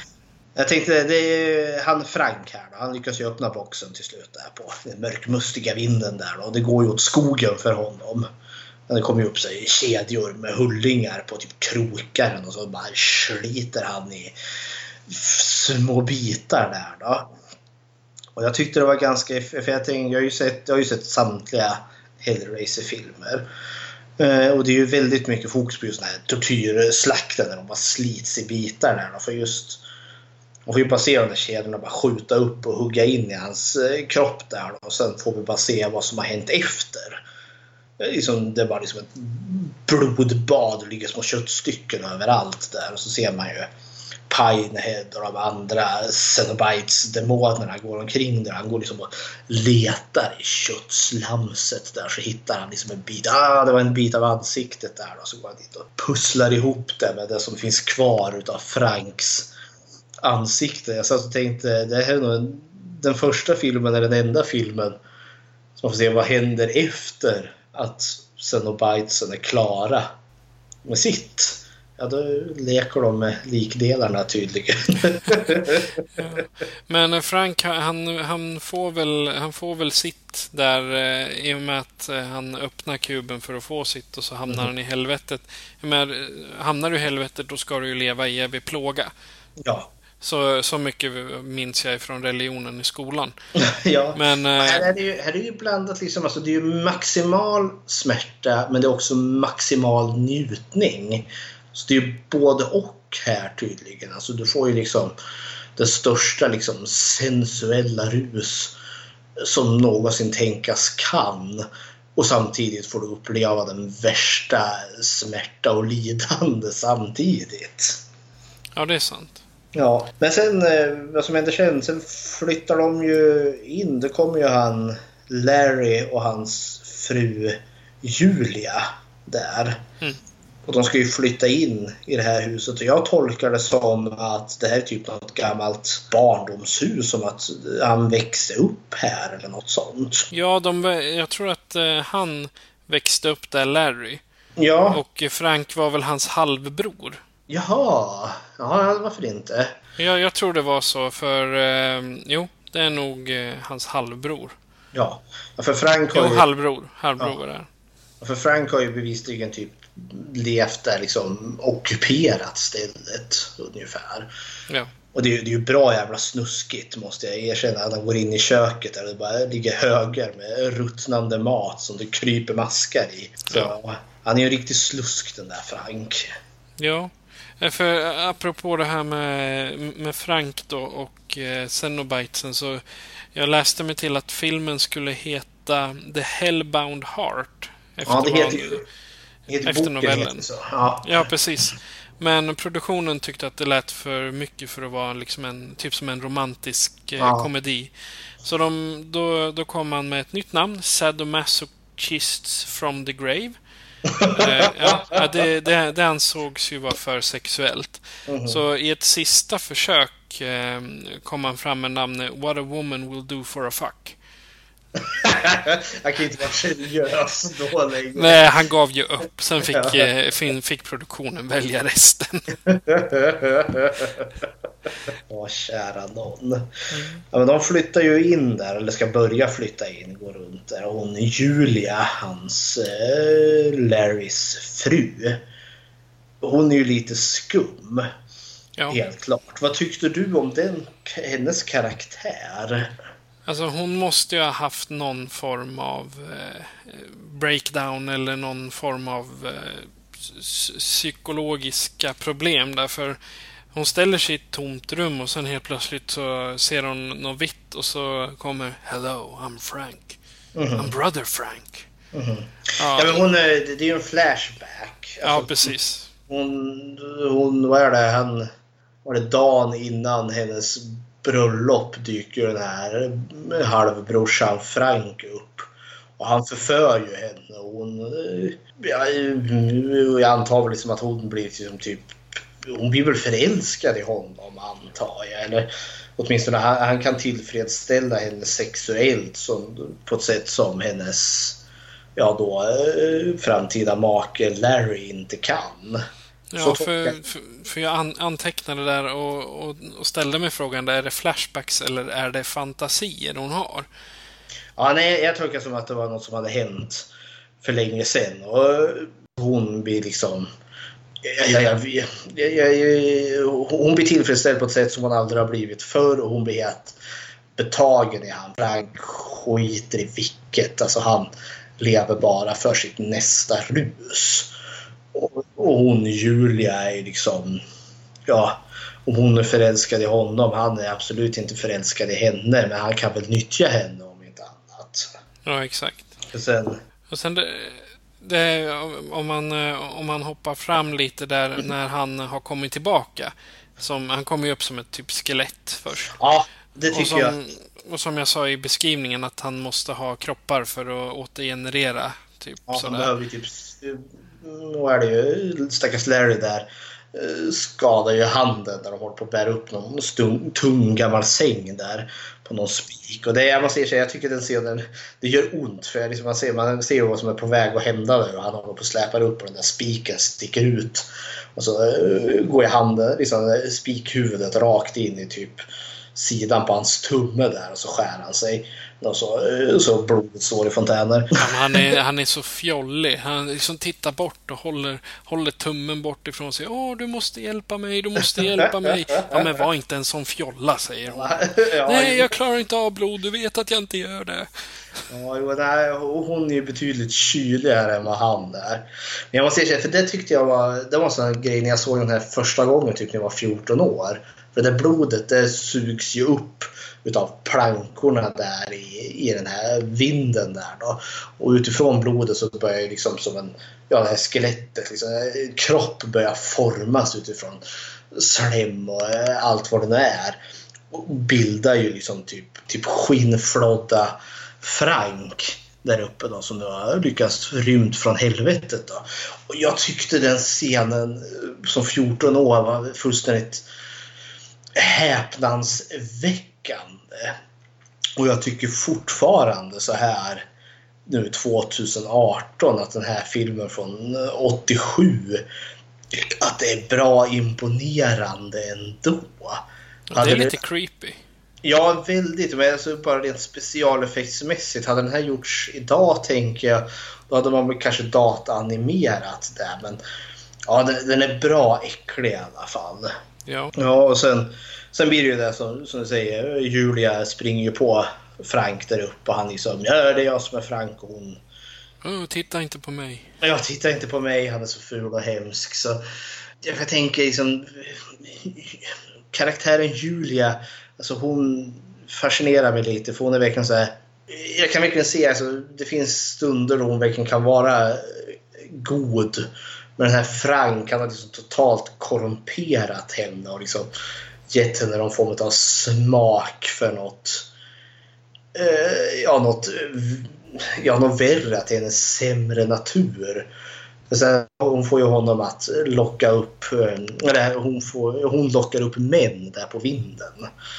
Som hon då slår ner med en hammare så kan ju han Frank bara dyka upp. Han, och här han gör han typ tar sina fingrar och trycker upp dem i nacken på de här gubbarna. Alltså det, det är lite olika. Så, så jag ställde mig så här frågan, är han lite av en eh, typ vampyr eller eh, ja. sån här, eh, typ som han gubben i One Dark Night, att han liksom suger åt sig energi? Ja, jag, jag, jag tänkte lite, för han suger ju inte bara åt sig energi, han suger i sig köttet också. För jag menar, liken som blir kvar av de här männen är ju typ som Ja, det är som ett eh, skelett med liksom skinnet som hänger löst och slappt kvar på det. Så han är ju typ som en eh, köttvampyr alltså? Ja. Han, han, han, suger, han suger bokstavligt talat upp allt. Jajamensan. Och ju mer han får i desto mer typ, ja, kött på benen får ju han. Alltså han regenererar och blir mer och mer människa liksom hel och hållen. Och det slog mig nu när jag såg den här, hur, alltså hur mycket verkligen alltså den första första hälften av filmen handlar ju verkligen om Frank och Julia. Och, det, och de är ju liksom skurkarna i berättelsen. Eh, sen skiftar den ju fokus till hon eh, Kirsty. Mm, alltså dottern. dottern. För hon, kommer, för hon är inte med så mycket alls i början. Hon är med lite där och springer när hon håller på och flyttar in och sen... Ja, för hon, hon, det hör ju till, hon, hon är ju vuxen här då, har flyttat till egen lägenhet och har sin pojkvän där då. Och skaffar något jobb på någon djurbutik är det väl. Ja. Vilket jag tyckte var, det, det var en ganska creepy scen när hon är typ första dagen på jobbet och allt är bara kaos. Det står någon trist eh, tant där med någon papegoja. Liksom, jag vill prata med chefen. Och någon bortskämd unge som står och håller på och bankar på terrariet till någon orm där. Alltså, alltså en riktigt jobbig dag. hon stackaren. Men så ser han typ någon hemlös gubbe som står liksom lite längre bort i ett hörn. Så går hon dit och, och, och då har han stoppat ner handen i i terrarium fullt med kyrsor eller gräshoppor. Ja, ja syrsor. Nej, grä, gräshoppor är det för de är mindre ja. än syrsor. Och så tar han ner dem och så eh, stoppar han. Han äter ju dem. Am, nam, nam, nam, nam. Och jag kommer ihåg jag tyckte oh, vad freaky det var. Kommer jag ihåg när jag var 14. Och det jag tycker fortfarande. det är jättecreepy. Hon ber honom att gå. Han bara går och försvinner. Ja, kära nån. Och hon börjar ju få lite föraningar. Hon, hon drömmer ju någon mardröm där då. Ja, det här med skrikande barnet, det är lite läskigt. Gud ja, jag, var jag gjorde en anteckning där. Mardrömsmaterial. Ja, med skrikande barn, det är perfekt. Ja, ja men det är också, det, du har det där ihärdiga barnskriket och så ligger det typ som ett, ungefär som ett lik under ett, ja, så här, ett vitt lakan som man har lagt över en död person. Så börjar den röra lite på sig och så börjar det bli liksom bara stora röda fläckar som bara sprider sig över det här vita lakanet. Så det bara blir blodigt och nedkölat. Och så det här barnskriket som bara blir mer intensivt och intensivt. Och det bara wow! Det här är en riktig mardröm. Jag skulle nog vakna skrikande som jag hade något liknande. Ja, det kryper ju i benen om man tänker att ja, men det där, nej, usch. Vad tyckte, det, vad tyckte du om hon karaktären som då heter Kirsty som är väl egentligen filmens huvudrollsinnehavare. Ja, och Final Girl. Ja, Final Girl, helt Ä- klart. Ashley, Ashley Lawrence heter hon ju. Ja. Eh, Hon, hon har väldigt, vä- väldigt mycket skräckfilmer på sin, på sin filmografi, om man säger. Men jag gillar henne faktiskt. Hon var en sån här karaktär som man verkligen tycker om. Ja, jag, jag, jag håller med dig. Jag var tvungen att anteckna här liksom att ja, men, hon är en genuint bra eh, Final Girl om man nu får säga det så. Ja, men hon är en sån här, alltså jag hejade på henne om man säger så. Ja, men jag, jag- också. För jag, jag tyckte att när, när hon och Frank väl möts där för första gången. Och han, är ju- han, är aldrig, han ju kläder på sig nu i alla fall, men han är fortfarande helt skinnflådd och äcklig. Och han är ju på henne direkt. Liksom, oh, du har vuxit upp och blivit en vacker kvinna där. Han är ju bara slemmig och äcklig. Men hon, hon tar ju inte skit för fem... Alltså hon är ju skräckslagen och allt det där. Men hon tar ju inte skit för fem öre. Liksom. Åt helvete med han och hans jäkla sätt. Hon gör ju motstånd direkt. Hon sätter sig inte i ett hörn och grinar. Utan gör ju motstånd direkt. Ber han ta sitt pick och pack och köra upp det där solen inte lyser. Jag tyckte så mycket om det. Bara, yay! Ja. Och så lyckas hon ju få- fatt i, eh, i boxen va? ja, hon tar ju den och så hivar ut den genom fönstret. Japp. Jag gillade henne, hennes... Eh, hon, hon gjorde ju lite av en eh, karriär på Hellraiser. För hon är Mhm. med ända fram till Hellseeker. Hellraiser Hellseeker 2002. Mhm. Och är med i filmerna. Så hon gjorde ju 15 år utav sin karriär med hjälp av Hellraiser-franchisen. Ja, helt klart. Nej, men jag gillar för efter att hon... Hon sticker ju iväg där med boxen. Mm. Eh, som jag faktiskt inte riktigt förstod varför Frank hade kvar ens en gång. Jag tänkte den borde väl Cenobiterna ha tagit, men ja, ja, Nej, samma. men han, han hade ju flytt ifrån dem och tagit med sig boxen. Ja, ja. ja För det är ju sen när hon, när hon börjar fippla med den där och öppnar den. Mhm. Det är ju då Cenobiterna hittar henne. Ja. Och vill ta henne med sig. Men så säger hon ja, jag har något ni vill ha. Och då så säger de Frank, ja men han är inlåst. Nej, han har flytt. Ni, jag hjälper er ta honom om ni låter mig vara. Det, det var också en sån aspekt som jag gillade med henne. Liksom, för hade jag blivit utsatt för något liknande där när Cenobitesen, demonerna, dyker upp där på sjukhuset. Jag skulle nog vara så skraj så jag skulle nog inte ens kunna tänka klart där ens en gång. Men hon, liksom, hon kan hålla sig kylig för de är ju precis på väg där att slita henne i stycken med sina kedjor och knivar och klor som de har gjort så många gånger förr. Så kan man tänka jo men det är de här som Frank har flytt ifrån. Jag vet vart han finns. Jo. Jag tycker Nej, för eh, sen där, på sjukhuset så är hon nu, det är ju där de börjar fippla med. Jajamän. eh, och, och då det öppnar sig väggen. Ja. Vet jag, så den kommer in i någon form av kulvert. Typ eh, Asylum-stil. Mhm. Men där så kommer det någon form av... Eh, det, det ser ut som en skorpionish monster. Mhm. Eh, som är en utav Cenobitesen. Men jag, det kunde de ha skippat. För jag tyckte det vart bara löjligt när den kom. Ja, jag ska, jag ska villigt erkänna. När jag såg den här första gången som 14-åring. Så det här monstret som klättrar på väggarna där. Eh, och jagar henne i tunnlarna. Alltså det, det, den var creepy, det tyckte jag. Men nu, alltså det är väl enda gången som jag faktiskt får villigt erkänna att specialeffekterna inte funkar alls. Jag tror till och med en liksom börjar, för den jagar ju henne där i de här långa korridorerna. Eh, och vid ett tillfälle så tror jag såg liksom teamet och den här eh, liksom vagnen eller vad det är. För det är ju liksom en animatronisk docka som man har byggt upp. Och jag såg ju liksom, ja, men det, den är ju där bakom.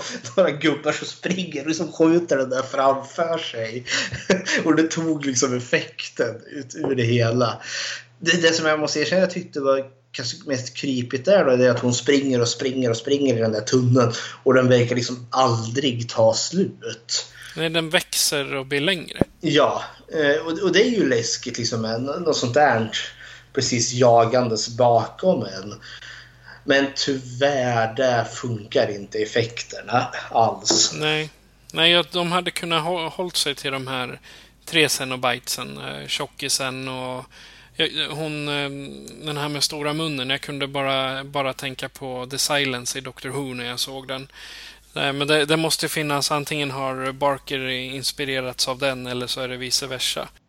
Ja, det, alltså Clay Barker han har ju väldigt mycket Alltså han, han har ju en grej för sig typ väldigt sadomasochistiska liksom sexgrejer. För det är ju de här Cenobitesen. Alltså det är ju något stört sexuellt över dem. För de har ju de här liksom läderkläderna liksom som sitter som ett andra, andra skinn på dem. Ungefär. De är ju väldigt tight slimmade. Eh, så eh, jag vet inte vad. Det är det som är så eh, den mest uppfuckade sexualitet som du kan hitta hos de där monstren. Ja, en, en rolig grej som jag läste var... Eh, jag skrev Don Bradley, men jag, om, jag, om jag inte är helt fel heter han Doug Bradley. Ja, Doug Bradley. Ja, precis. Han, eh, när, när de var färdiga med inspelningarna och sådär så skulle de ju ha en liten fest inom produktionen. Mm. Och han, han kände sig så himla så jag, åt, åsidosatt. Ingen Jaha. pratade med honom, ingen umgicks med honom.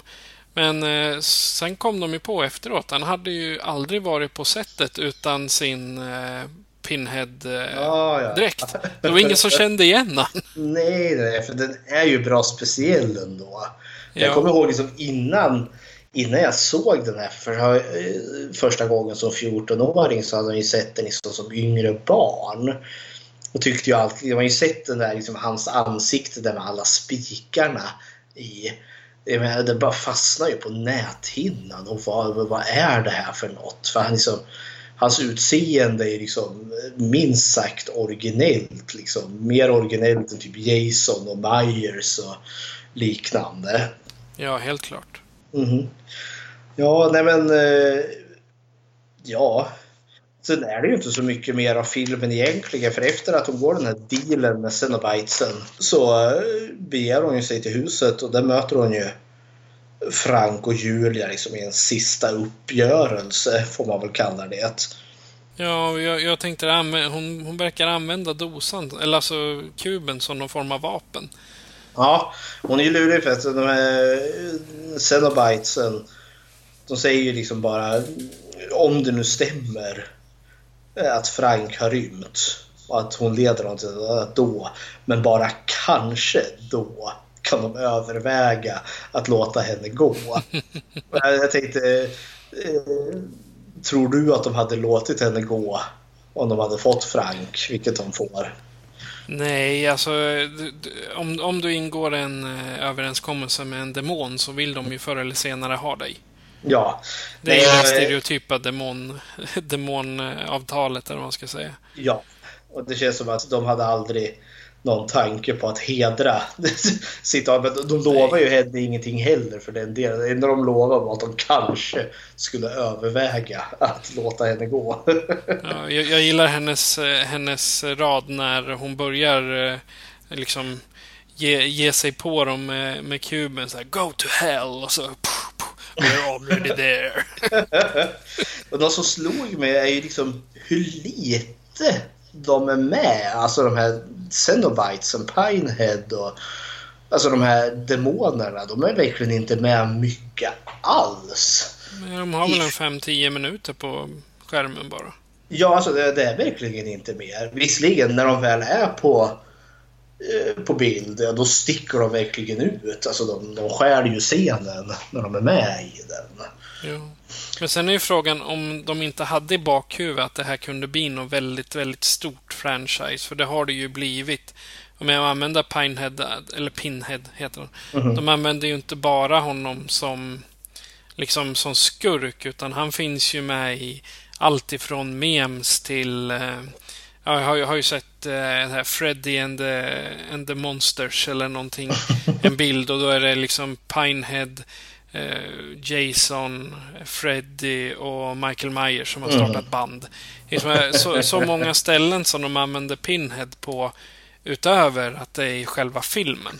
Ja, för han, den karaktären har verkligen gått här, de klassiska franchise-monstren tillsammans med Leatherface och ja, de som du räknade upp där. Men det, ser för, det är inte de som är hotet i den här filmen utan det är ju han Frank och Julia.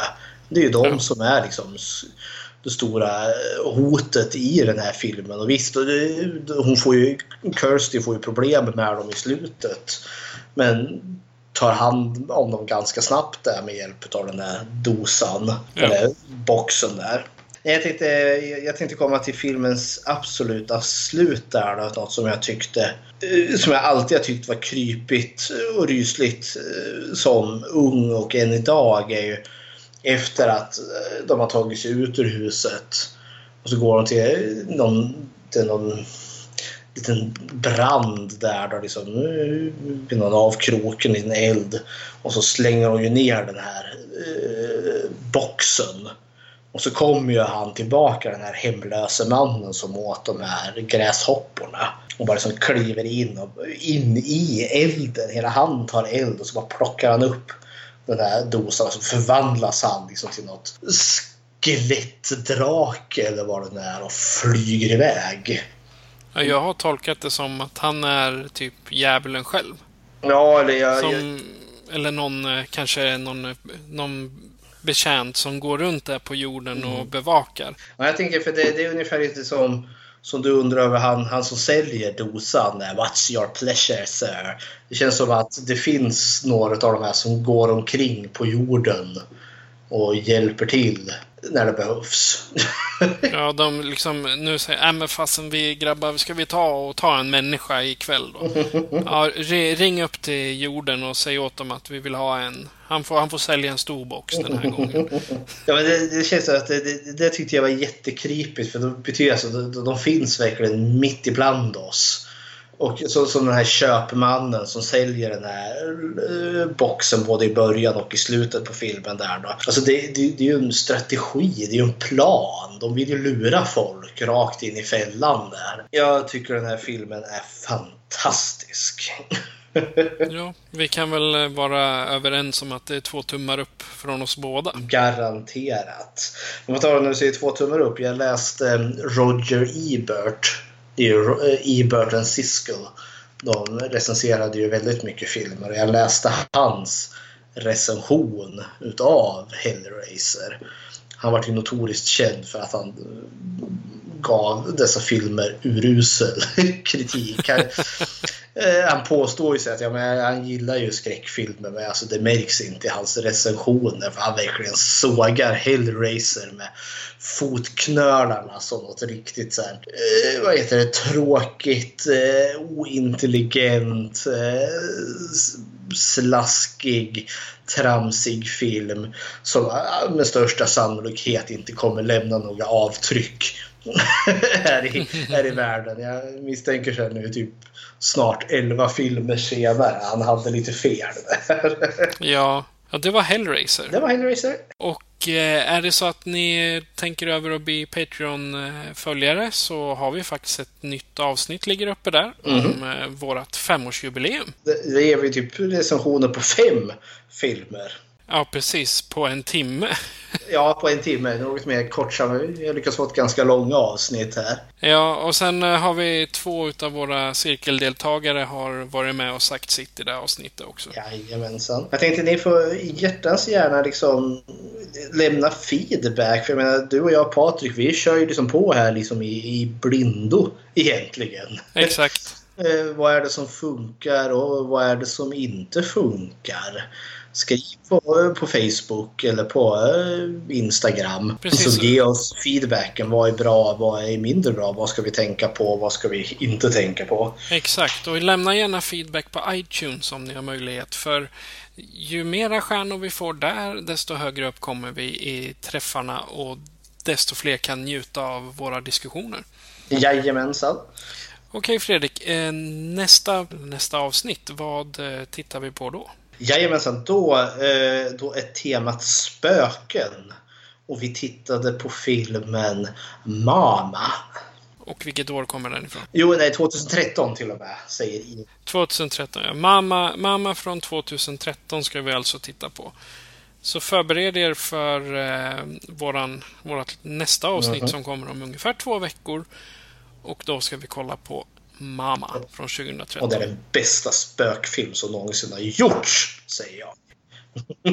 Jag säger eh, att vi ska spela ut med eh, slutmusiken till eh, Hellraiser, för den är fin. Mm -hmm. Vi säger adjö till våra lyssnare. Ja, hej då! Hej då!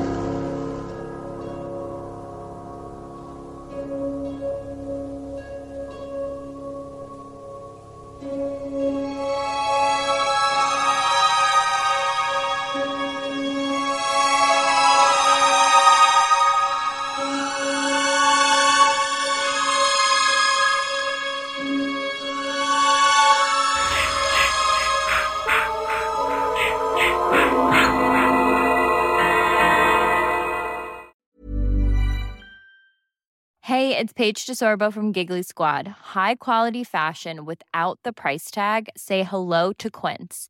I'm snagging high-end essentials like cozy cashmere sweaters, sleek leather jackets, fine jewelry, and so much more. With Quince being 50 to 80% less than similar brands.